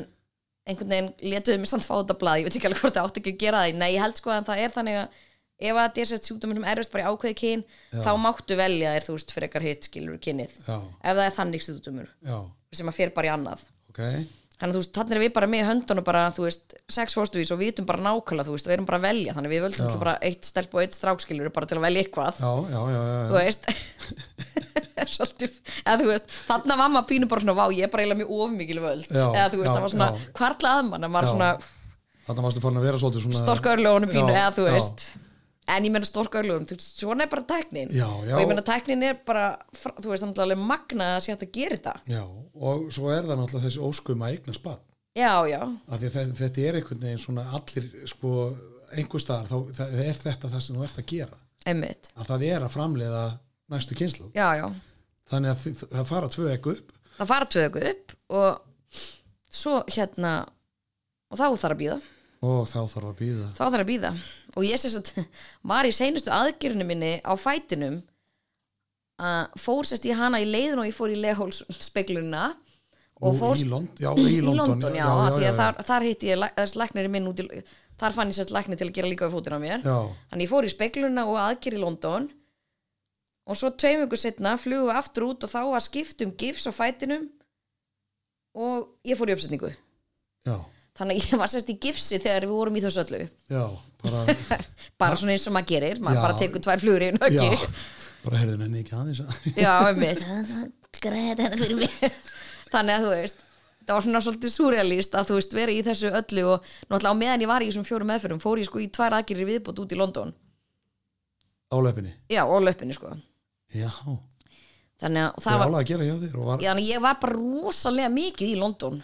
þessa, þessi ár en talandi löpina, tók einhver þá þátt í þeim kostnaði nei, það er önnur sá já, já, ok, já, við tökum ekki það núna hún er svolítið lung já, en var Sæþór alltaf með þá í þessu nei, nei, hann náttúrulega, einhver þurfti náttúrulega að vinna já, eða skilur já, þannig að eh, ég var bara heppin að fóreldarni voru þannig stöð að þau gáttu bara að tekja sér frí í vinnun og verið með mér að núti að Já. mamma fór með mér ykkur að ferðir, pappi fór ykkur tíma ég fór, var náttúrulega mikið ein líka bara já þú veist, þannig að þetta getur ekki verið einhver með þér allan tíman skilur þannig að nei, nei, já, já, það var einmitt farðu valega það var alveg fyrst að skemmt sjátt að vera einn þeim list ekkert af það, grein gerðu dottinni, Já. það fara á flugvilli Já, mitt. Nei og Sæþór náttúrulega, hann þurfti náttúrulega að koma fyrir ákveðin verkefna í þessum meðferðum sínum já, já, já, þannig að við reyndum svona að skiptast, skiptist um milli allra og ég er náttúrulega bara rosa heppin að veri, veri þeirri stöða eiga fóreldar sem að gátu komið með mér og hjálpa, hjálpa mér með þetta já, og náttúrulega þú veist, hjálpa okkur fjárhagslega og svona því að þetta náttúrulega, það er gríðalegu það var kostnaði náttúrulega ekki mikið til þegar að ég var náttúrulega búin að vera bara í fjögur ári meðförum og einhverjum sjúkrahúsum og London og eitthvað og sæð þó bara eina fyrirvinnan skilur já, já, að við vorum í rauninni bara heppin að eiga fóreldar sem gátu hjálpa okkur sko. já, það er náttúrulega alls ekkert allir í þeirri stöðu nei, nei þannig að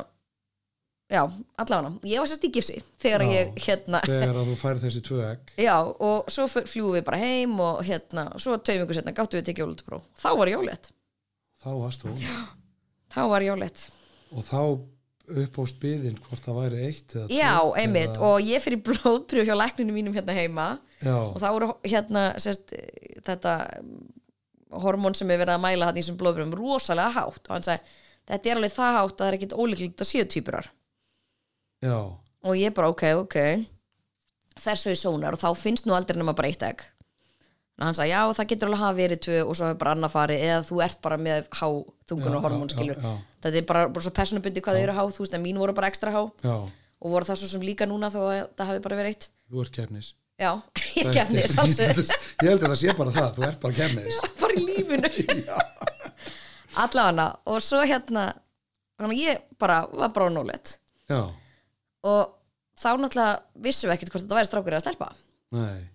og svo fór ég sérst til London til að taka gifsið seinatskipti og þá buðu þeir mér í á klinikinu og kom í blóðpröfu bara til að taka á kyninu þá var það bara eitthvað sem þeir gera já, ok og þú náttúrulega bara eh, sálsöðu sagði ég já, ég er náttúrulega Auðvitað. fárulega fóruðin og skipulag sjúkaðilisvar ég er náttúrulega gata ekki beðið Nei, sekundu lengur nei. með að vita hvort þetta væri og líka það sem að líka blundaði svolítið í mér að þú veist það kom einhvern veginn svona allt inn þarna þú veist, þá fór ég að hugsa, herðu, þau sögðu að væri bara 99% líkur á því að testin þeirra var rétt skilur þannig að þá var ég allt í einhver svolítið svona fóstu þá virkilega að hugsa um þetta einu brósa já, þá var ég allt í einhver stressið ef þetta væri strákur að þá væri hann þetta eina prósent og þeir hefður henni klikka á greiningunni já, þannig ég var svona orðin, innstinn að vona bara að það væri stelpa en ég þyrfti ekki pælinsu já, þannig ég var henni rosa glöð þegar ég komst að þetta væri stelpa ég hugsa bara, ægust, þetta er bara fyrsta meðgang eða nógu mikið sem ég þarf eitthvað Já, ágjöraf já. mér finnst bara fínt þetta sé stelpa og þá í vestafalli er hún bara arbyrri skilur Já. vestafalli, já sem er náttúrulega, þú veist, 99 er bara M- m- mjög hátt það er mjög hátt, Já, skilur já. en hvað veit ég, líkundar hafa Nei, ekki verið já, með mér í lífinu það er bara þannig þannig að við komst að þetta var, þetta var, var lítið dam á leiðinni já, og gaman uh, meðganga gekk reyndar ekki svakalega vel að því eh, já, þegar þú segir ekki vel, var þetta þá bara þessi kvillar sem fylgja eða? ég, er- ég bara, er, er held ég ekki sérlega gerð til að ganga með börn ég held að það sé bara það niðurstað er bara máli sko það byrjaði sko að blæða hjá mér alveg bara á viku bara fjögur eða eitthvað og blætti bara alveg í 14 vikur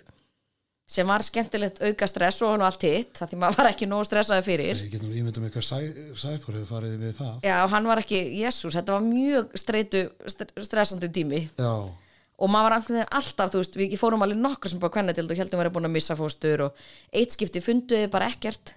já, og ég var bara sem heim, svo fór ég til mín slæknistæðin eftir og þá fann hann bara strax batni, skilur Já, ok. þetta var allt eitthvað svona, ég var bara svona, er þetta eitthvað grín eða má þetta ekki bara vera vennileg meðganga svo var ég náttúrulega refsaði fyrir að vera að Já, leika við einmitt. alvættið. ég var alveg, þú veist já, en hún hjekk þann inni Já. blessunin en þa það voru einhverja kenningar um það að þetta væri kannski bara hinn fóstu í sér en alltaf einhvern veginn að, eða eitthvað, þú veist, þeir, þeir eiginlega bara vita já, já, það er ekki vita hvað þetta var nei, það er ekki vita og það er ekkit ennþá vita og þetta var, gerðist ekkit núna sko Nei. ég var bara að setja á auka, auka hormón til að reyna að hjálpa eitthvað til og þá hætti þetta lóksins á viku 14 eða eitthvað já, en ég var mjög úglatt og mikið ælandi Já. þó ég hafi reyndar verið meira ælandi núna þegar ég er búin að róla eitt já, já, en allavega svo sko endaði meðgangan eða því að ég var orðin bara rosalega lasin þá komist þér að því að ég var með svo mikið vökva í kringu hjarta og í lungunum að ég var bara eða komin í hjartabilun en það þurfti að kippa emblu út á viku 36 og ég endaði á einhverju gjörgjastlu og jésús já þannig að ég eins og ég segi það er, það er allt eða ekkert hjá mér þú er, ég er bara það, þú er svo mikið kefnis þannig að þú veist, þessi meðganga var kannski ekki engin draumur þú fyrst skilur enga aðtegli þegar þú varst krakki eða- ég þarf hana bara núna ég bý mér til hjartabilanir en ok, þannig að en a, þú veist, Embla var eldspræk og Já, já. kom út bara alveg og, og hún er ekki árbyrri Hún er ekki árberi, hún er 100% heilbrigð. og það er búið að tekka á því eða Nei, hvað- það er eða- víst ekki búið að tékka á hvenær, hvenær má ég held að meginu bara gera það núna sko en hann Já. alltaf svo sem Ég- þetta kannski eina skiptir prósent ekki, það já. kannski, jú, jú, ég læti eitthvað einhvern tíma, Já, já, já. er löst en ok, þannig að svo er þetta bara komið og þið eru bara orðin róleg já, Og- við erum bara komin loksins með badni okkar og Já. þetta var ótrúlega ótrúlega sérstök tilfinning að lappa út af fæðingatildinni með badnið, já, þú veist þetta var svona svolítið dagur sem ég held alveg mjög lengi bara myndi aldrei koma já, þú veist, og þetta var alveg bara svona, þú veist sigurinn Já, þetta var bara s- ótrúlega, ótrúlega síðu tilfinning að lappa þann út með alvörunni, eða þú veist, með batnið. já, Þarna vorum við bara búin að gátum þetta. þið voru búin að vinna allt það sem gátt Já, og þar við fórum bara heim í litla krílu okkar. Já, Já.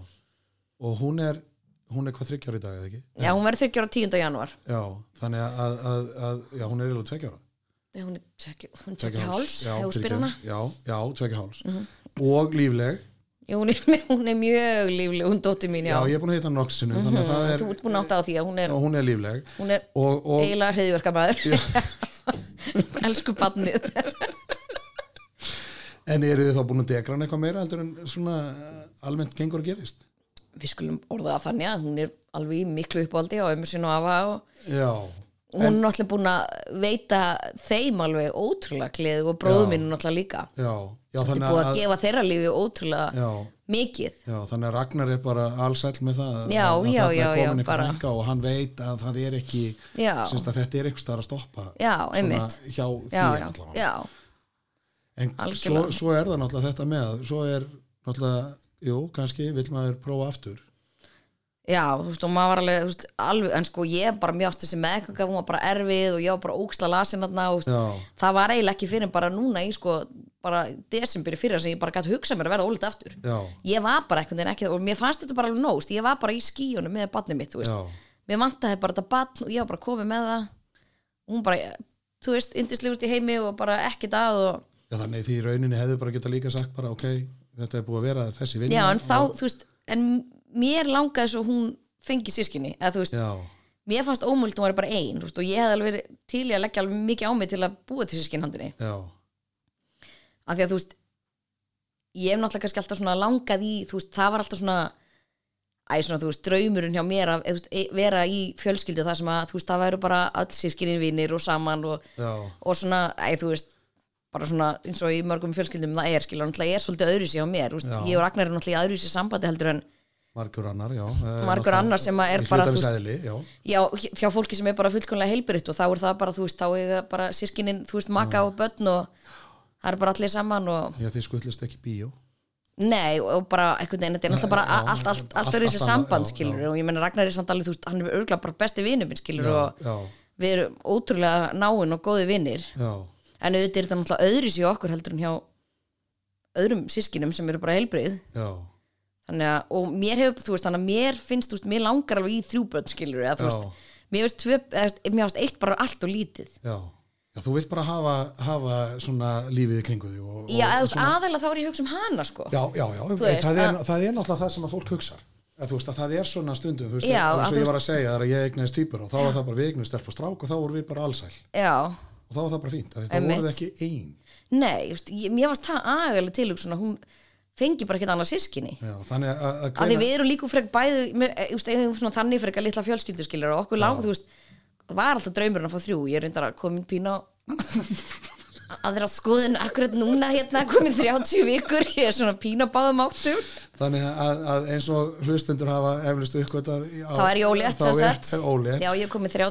byrja á viku 31 á 50 daginn. Já, þannig að já, það er náttúrulega óraðið tími í hlaðvarpi þannig að en þú ert allavega ólétt ég get Já, já, vottað það þú getur vottað það. já, en, en hvena byrjið þið þá svona að opna á umræðina aftur er það þá þú sem stjórnar því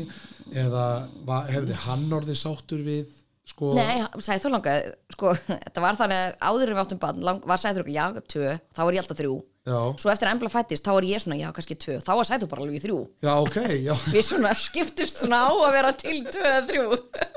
En ég held að engi sé til í þrjú núna, nei þetta er síðustu vikur. en, en, en, en áttu þið þá fóstuvísana Já, þa- þeir eru náttúrulega bara voru í fristi, þannig við átt, eigum, áttum fjóra, en hvað er þið marga núna? þrjá, Já, það hefur ekki verið tveir einn Þannig er, að- einn er í bumbu. Já, já, nei, ég meina, ég held kannski að það væri sko að þið hefðu aftur sett tvo Nei, sko, ást, að því ég var Af svo því þú ert veik, búin, nei, já. að því ég var svo veik, Já, að þá eiginlega var mér bara ráðlagt frá því að setja upp tvö að því það væri bara ákveðið miklu að, þú veist, það er vist ofta konur þú veist, frjóri eftir að hafa átt bad Já, að það- það voru þessi að það væri leiðréttist eitthvað já, að það væri rauninni miklu eiginlega líklega núna að þetta myndi takast þessi tvö heldur en seinast og það væri eiginlega bara ekki mér var bara ekki ráðlagt að ganga með tvö í einu Ég hefði nú bara séð þið þá í anda já, einmitt, þú veist, að því meðu hvað þetta hafði miklu áhrif á hjarta og lungun og það þú veist, seinast að þá hefði þetta bara aðalega þá bara að ég getur orðið veik miklu fyrr og þú veist, Það böndin er eða kannski þetta mislepp já, ég er kannski hérna. mislöpina löpina Nei, bara eitthvað, Já, þú veist, bara eitthvað, já, af því að þetta er þú með að Já, við, en ég þarf sérst að vera á blóðþýningar sprautum daglega á meðgöngunni út af þessum blóðtappa sem ég fekk í fótinn. Þannig að Hann heldur áfram að herja á mig. já, en þannig að þið bara farið aftur út og Já, sko, við vorum þú veist, alltaf búin á, við all, vorum alveg 100% búin að ákveða, ætluðum alltaf út aftur, þá var bara raunin þurft að ákveða bara hvenær er þið cirka. já, Ég var bara, bara nettil ekki að verða ólétt fyrir bara núna í svona desember. já, Þannig að við ákveðum sérst að sko, eh, seft, nei, sko, já, hausti 2000 og mm, átján, nei, hvað árið núna? 2019 Já, ég gifti mig 2018 Já, svona, við, við ákveðum sérst að gifta okkur af því ég hugsaði bara, heyrðu, ok við, ég var náttúrulega að plana, skiluru Já, mér langaði að gifta mig, mér langaði ekki að gifta mig ólétt mér langaði ekki að gifta mig með pínlítið bad nei, en ég hugsaði, heyrðu, ef við ekki bara hérna gifta okkur hérna 2018 og svo bara, þú veist, kannski svona um jólin getum við bara farið í nummer þrjú, skiluru þá erum við bara búin að gifta okkur og þá getum við einbútt okkur að því já Sæði þú náttúrulega bara hlýði maður, sæði bara já, ég er eiginlega bara ákveðum til gifta ykkur svo ekki, þú þarf að fara að kaupa hring. Hann var bara skikkaður í það, elsku kalli, fekk ekki að ráða neinu. Og ég er svo bara svo góð að stjórna. Já, ég var alveg að hugsa, þú veist, á maður að gefa honum eitthvað, þú veist, á hann að fá velun Ég held það, sko, og talandi náttúrulega um það, þú veist, eftir allan þennan pakka, það væru nú margir menn búin að láta sig hverfa. já, já, já, þá, já, sko, ég veit það ekki Sum, þetta er bara eitthvað það er, ég, ekki það, þú veist að, Eða, þú að, veist, þetta er ekki búið að vera neitt smá verkefni, þú veist, vinnur hans eru búin að vera kannski í svolítið öðrum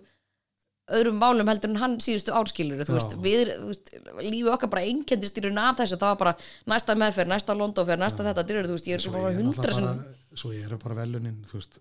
batnið náttúrulega, indisli stelpa já, já, og þú veist gætum ekki verið hammingisamur með hana skilur og þetta er það náttúrulega, þú veist, maður var þú veist, og ég myndi leggja þetta alltaf á mig aftur, það er alls ekki það Já. þú veist, að ég sé að segja það, ég myndi, þú veist, mér fannst þetta ekki þess virði en þetta er þetta náttúrulega, ég held að, að er þetta ekki bara því að kallmenninir upplifa sér svolítið, sko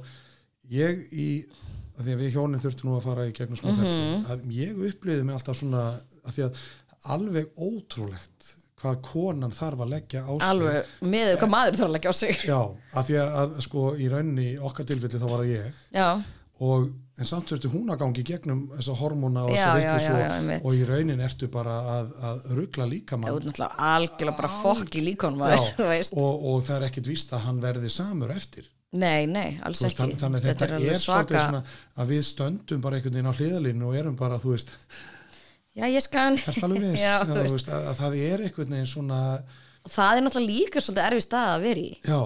Þú veist, og- get og- ég ímyndað mér Ég er Já, náttúrulega nei, nei, ekki verið já, maður og- en Nei, en það, þetta er Ég- svolítið ég get svona um- alveg- umræðan hjá okkur hjónum eftir á að það er náttúrulega, og svo er náttúrulega þetta miða við hvað tækninni fleitir áfram Akkur er þá ekki hægt að gefa kallmennum einhverja pillu eða þú veist, Mhm. að í staðin fyrir að konan sem er kannski allt í lagi, þú veist að það náttúrulega, þú veist, eða væri allt já, eðlilegt já, hjá já, henni, já, ég veit hvað að, minnar þá þarf konan að fara alveg í einhverja dælingar og Já, þú veist, til þess að auka líkunar á að vera mörg egg og eitthvað svona, Einmitt. svo er kallin bara með 50% sæði sem er í lagi og þá bara, já við þurfum bara eina frumu já, mitt og þú veist, En þú, þessi okkur náttúrulega bara ekki það sæður og nei, nei, nei, nei svo Hann var hann þurfti alltaf bara náttúrulega með, með stráka kynni, hann er mikið ánum Útlandi já ég heyri það, þú ert mjög ósátt við það Já, mjög úsott en þannig að þið farið út og það er bara þið takja ákvörðin og þú ferð út og gekk Já, þetta þá bara nei, og við sett tókum ákvörðunum að ég myndi fara út og þá var sérst ákveð að ég myndi aftur fara í svona lehólspeglun að því að embla var náttúrulega tekið, ég var náttúrulega svo lasin að embla var tekið mér sérst bráða keisara já,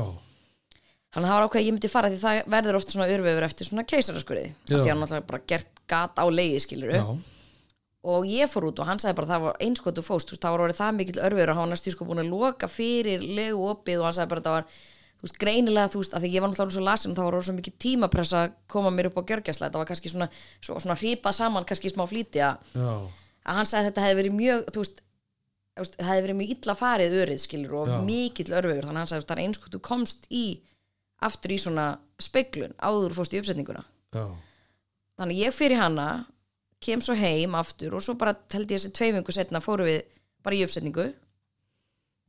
og svo bara var ég bara ólegt og þú ert bara kona 30. viku já, og þarna var maður, ég var alveg svolítið bara svona já, þetta er bara búið okay. já, þú veist, bara vönið að tæki skilur fimm ár og bara eitthvað allt í heiminum og svo fóruð þið bara í bíó ég veist, mér varst í næstu ykkur en ekki eitthvað skili að þú veist, mér varst ég bara svona, vá, ég þurfti að leggja svo gæðat lítið á mig þú Já. veist, náttúrulega leggja á mig, ég þurfti að fljúa til London fara í aðgerð, fljúa heim Já, þú veist, já, já. sprauta mig með fullt að dóti, fljúa aftur til London koma heim, Já, en mér fannst þetta bara svona ég var næstu bara svona, já á, á ég bara að skila að vera ólt með svona lítilli fyriröf Þannig að- að, og 30. næstu 31 vika, þannig að það eru nýju vikur eftir. en hann verður að vísu tekin væntalega bara til að koma í vefð fyrir ég verður svona veik aftur þá verður hann tekin við svona viku 35-6 Já, ok, þannig að við erum að tala um hvað í lók nóvambur eða, nei, loka 8, byrjun of já, þannig að þetta styttist það stýttist í þetta. já, sem betur fyrir Já, ég er sérst búin að eiga mjög erfiða mögungu sko. ég er enn ælandi, ég er búin að eila svona fjóru sunni meira en ég gerði með emblu ok, ég er bara, svo er ég líka með bara fríkisli stuttan búk ég get votta það, kæri lustandi. hann er mjög skrítinn og stuttur nei, ég man því ég var ólið segist þú voru að mæla eitthvað svona, hún eitthvað, já þú ert nú bara með svona stuttan búk, ég eitthvað, já ég veit þannig þú veist, mér finnst batni bara verið í hálsin kúlan einhvern veginn Já, Þannig þú veist, ég fæ ekki svona kúli sem er svona svo körubolti Nei. heldur bara svona dreifist hún alveg bara upp að einhvern veginn brjóstum og er bara eitthvað svona þú veist, þannig ég get bara einhvern veginn bara ef ég borða, þú veist, þrjá bita þá er ég líka orðin bara svona fött af því ég get ekki andað svo er það brjósvið og bakflæði og Já, náladofi já, og auðvitað. grindaverkir já, og... já, já, já, já, það er bara allt þannig, þannig að þú ert En þú veist, ég er ekkert að kvarta, ég er ógæslega hamingisum og geða þakklátt fyrir að þurfti eða svona, eins og ég kalla, lítilli fyriröfni að fá þetta bad. Já, Ég er bara ekkert sérlega góð að ganga með börn, ég held að sé bara svolítið það. já, þannig að- að er, er maðurinn búin að slá af kröfunum í þriðja? við erum ekkert að ræða það akkurat núna Nei, ég held að hann sé alveg komið jafn mikið nóa sem með eitthvað og ég Grey emblir alveg, mamma guppa Ég er alveg bara, "Ó, mamma ásins hérna Mamma, ertu búin að guppa En það ánur gátt að hans í pappi ásins. Já, já Hann er nú með það viðurnefni hérna Jú, jú, á hann- borgastöðinni. Ha. Því hann er að passa barnið. Ég var alveg, sagði þó að maður passar ekki sín einn börn. Hann er enn- enn að reyna átt að sá því svolítið Já, þannig að, En það er líka svolítill munur að vera sko, senast ég var róli, það var ég náttúrulega bara, þú veist, ekki í vinnu af því ég var náttúrulega bara búin að vera í þessu skil og það er að var enginn að fara að ráða ykkur ólita konu. Nei, nei, já. Þannig að þá var ég náttúrulega bara heima eða svona mestmegnis og einhver smá í námi og eitthvað. já, Það er svolítill munur að vera óléttur og vera í fullri vinnu og með tveggja og háls og skæruliða Já. eða vera bara einn og eiginlega ekki í neittni vinnu. já, Þú veist, Það er svolítið auðvildara. já. Þannig að þetta er svona, þetta er að margt sem þú ert að upplifa öðruvísi. Já, það er ótrúlegu munur sko. Já. Ég veit ekki hvort það er líka, maður er náttúrulega orðin þreymur árum eldri. Já, já, svo er það. Aldurinn, aldurinn, þú þekkir þetta Já, ég skal láta þið vita það. þannig að þetta verður bara eintóm gleði Já, já, algjörlega. Svo spurning hvernig ske- litli skærliðin mun taka þessu. Hún er mjög spennt að fara með hann út að róla. já bara strax, Já, já bara tilbúin já, svo fann hún föt af hann í gær og vildi fara að klæðan. Hún fór bara að gráta því hún mátti ekki klæðan. já, það er svolítið erfitt, Já. afgengi væri kannski ekki alveg Nei, nei, svo er svona spurning hvort það þurfa hans að fara að ta- trappa niður þessu umræð. Hún kom hérna daginn og vaði sér svona inn í peysunum minni. Mamma, ég er baby, ég er ekki komin út. Ég var alveg, já, já. jú, jú, maður var náttúrulega bara maður þarf náttúrulega aðtegli líka Jú, jú, maður þarf, maður, hún þarf mikla aðtíklu. kannski á milli guppa Já, myndi guppa. Já. En hvernig er þetta með, með þetta samfélag sem sagt, eru, hvað eru margir þú veist, eru þið sko dúsjan eða dúsjan eða hvernig Já. maður- alveg, þetta er svo Ertu að spæða hvað er margar í Íslandi? Já, Ég held að sé nú alveg hátt í tíu strákar. já, Held ég, sko.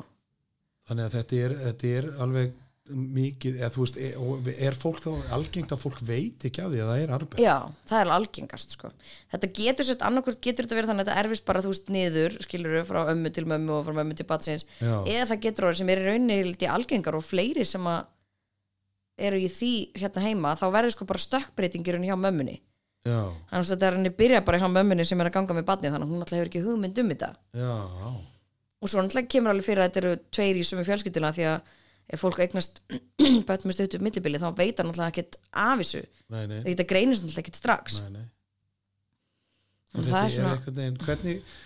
nú er svona að því að við þurfum að erum fann að nálgast lokin Já. hérna hvernig eins og mamma henni pappi þetta sko þurftu þau að hætta að vinna eða hvernig, manstu hvernig það var mamma vann ekkert lengi vel sko nei, þú veist, þegar strákarnir voru yngri og svona og þá var náttúrulega bara pappi aðalega vinna skilur og mamma var náttúrulega bara með þá og þú veist, þá þurfti hún að taka á fram úr og koma þeim í skólan og sækja á í skólan og svona, þú veist, það var ekkert og voru þeir alveg í mýra og, og já, annað? já, þannig að þetta var bara, já þeir eru náttúrulega voru kannski bara hjólustól já, þeir voru náttúrulega bara í hjólstól og þeir voru, þú veist, og það var náttúrulega svolítið þannig að mamma og pappi leið, við voru svolítið bara með þá stefnu að þeir væri svolítið bara venlegi strákar já, voru ekkert með einhverja special treatment og þeir voru bara út að leika með vinum sínum og voru bara upp í móu hjólastólnum og svo velduðu stólnum og það þetta var að retta því og Já, svo þeir var voru bara- bara út um allt og sumi voru alveg bara, hvað þetta er bara leifis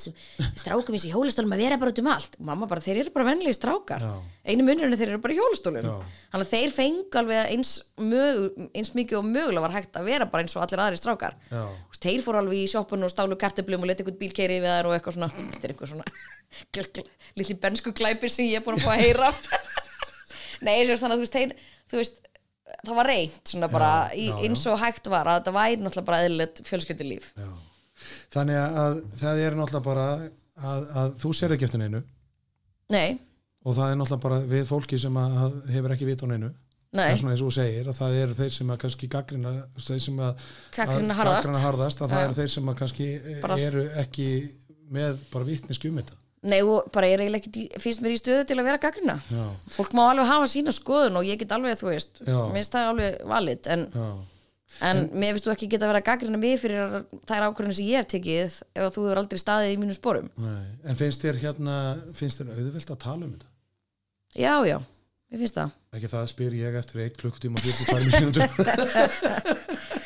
Jó, já, en auðvitað sko, þú veist, ég, ég átti samt alveg er, þú veist, ég var alveg átt mjög erfiða tími auðvitað, þú veist, þetta var andlega, var þetta rosalega erfiðu tími auðvitað já, og, og þú veist, ég leitaði mér alveg hjálpar eins og eftir að þú veist, það var þurft að benda enda á þessa meðgöngu og svona, Já. þú veist, ég átti alveg erfitt skilur og var mjög, en það er mjög náttúrulega illa bara- stödd bara eftir þetta skilur og fe, en fekk bara aðstóð og, og þú veist, og það held ég að allir konur eða þú veist, það lenda allir í því þú veist, við það að þurfa að slíta meðgöngu já, já, þetta Eða er náttúrulega ljú- bara þetta alveg heitir náttúrulega ljú- ljúka meðgöngu. hræðileg ákvörðum sem þú þarft að taka og eða lendi í eða hvað sem já, hvernig sem eða, er, þú veist, sko. lend, já, já og, og náttúrulega, og svo náttúrulega ofan að það þú veist, þá var þetta náttúrulega svolítið mikið einu þú veist, það var þetta og svo fóbrotnaði ég og þú veist, það var náttúrulega líka ákveðin vombriðum eða þú veist, það náttúrulega er ákveðin sorg sem fylgir því að þú veist, ég meina, þú veist, fóturinn verður aldrei eins og hann var já, og þú veist, og þetta er alveg að hra- há mér á þú veist, hverjum degi þessi fótur skilur, þú veist verður meira þreytti honum, hann er léleri skilur ég lappa öðruvísi og þú veist, þannig að já, það er náttúrulega svona ofan á allt hitt skil og svo náttúrulega fara í fleiri og náttúrulega fara í margar, þú veist, vera búin að taka allan að pakka, fara til London, vera þarna í þrjár vikur, þú veist, all hormón og allt og svo bara kemur þau ekkert út um meðfyrinni já, og svo verður kannski bara í næstu og það gerist það sama þú veist, þetta er náttúrulega ótrúlega mikil vonbriði, já. ótrúlega oft á stöðnum tíma þannig að þá ertu með dýrmætan fara já og þá náttúrulega að þú veist þannig að maður er náttúrulega kannski bara þetta er einslunni ríkari skilur og maður svona hefur minna ágjur af einhverjum hlutum sem maður kannski bara skipti ekki einu máli já, nokkuð. Að já, þeir- já verðmættamati verður bara öðruvísi Já, og þú veist, og ég vil ekki, ég er ekki að segja að fólk kunni ekki að meta betur sem ég kunni kannski alveg bara ekstra vel að meta mitt barn, eða þú veist, að því ég var náttúrulega búin að þurfa að leggja fárilega mikið á mig til að fá það, Mm. já, já. skilja, og mér finnst ég núna svolítið bara svona, eitthvað, já, ég verð að passa hann að elska hann jafn mikið þó að hafi ekki verið jafn erfitt að búa hann til, sem Já, er alveg já. fárilega þau, þegar ég alveg að elska hann jafn mikið, en þú veist, svona er svolítið Já. hausin að manni klikka, skilja, Já, já, maður fer alveg já, að hugsa eitthvað já, svona, já. og það er bara, en ég meina erum við ekki bara þakklátt fyrir að þetta gekk jú, jú, auðvitað, og Ha. náttúrulega bara ótrúlega þakklátt fyrir að þetta gekk bara líka í seinnaskiptið og já, þannig Við skulum bara, við hittum bara síðar og ræðum þetta með batnum í þrjú. já, við skulum t- gera það en bara gangiði vel Já, í takk hérna lokin. fyrir. Takk fyrir að fá mig. Já, takk kærlega fyrir að nenna að tala við mig að því mér fannst þetta bara rosalega heitlandi að, að eins og ég sagði við þig að ég bara, mér fannst bara að ég þurfa að fá að heyra söguna, Heyra söguna. af því að þetta er, þetta er mikið á fólk lagt Já, og maður já. gerir mikið, Já, já. það er ekkit sjálfgefið að, að þetta gerist bara eitt fyrir og bingo Alls ekki. Og það er kannski eitthvað sem maður pælir ekkit í þegar maður er yngri og allar bara, ég meina, já, auðvitað allar maður bara eignast fjölskyldu og Já. auðvitað allar maður bara að fá sér börn og þú veist. þannig að, en kæra þakkir og, og Já. ég, ég vona að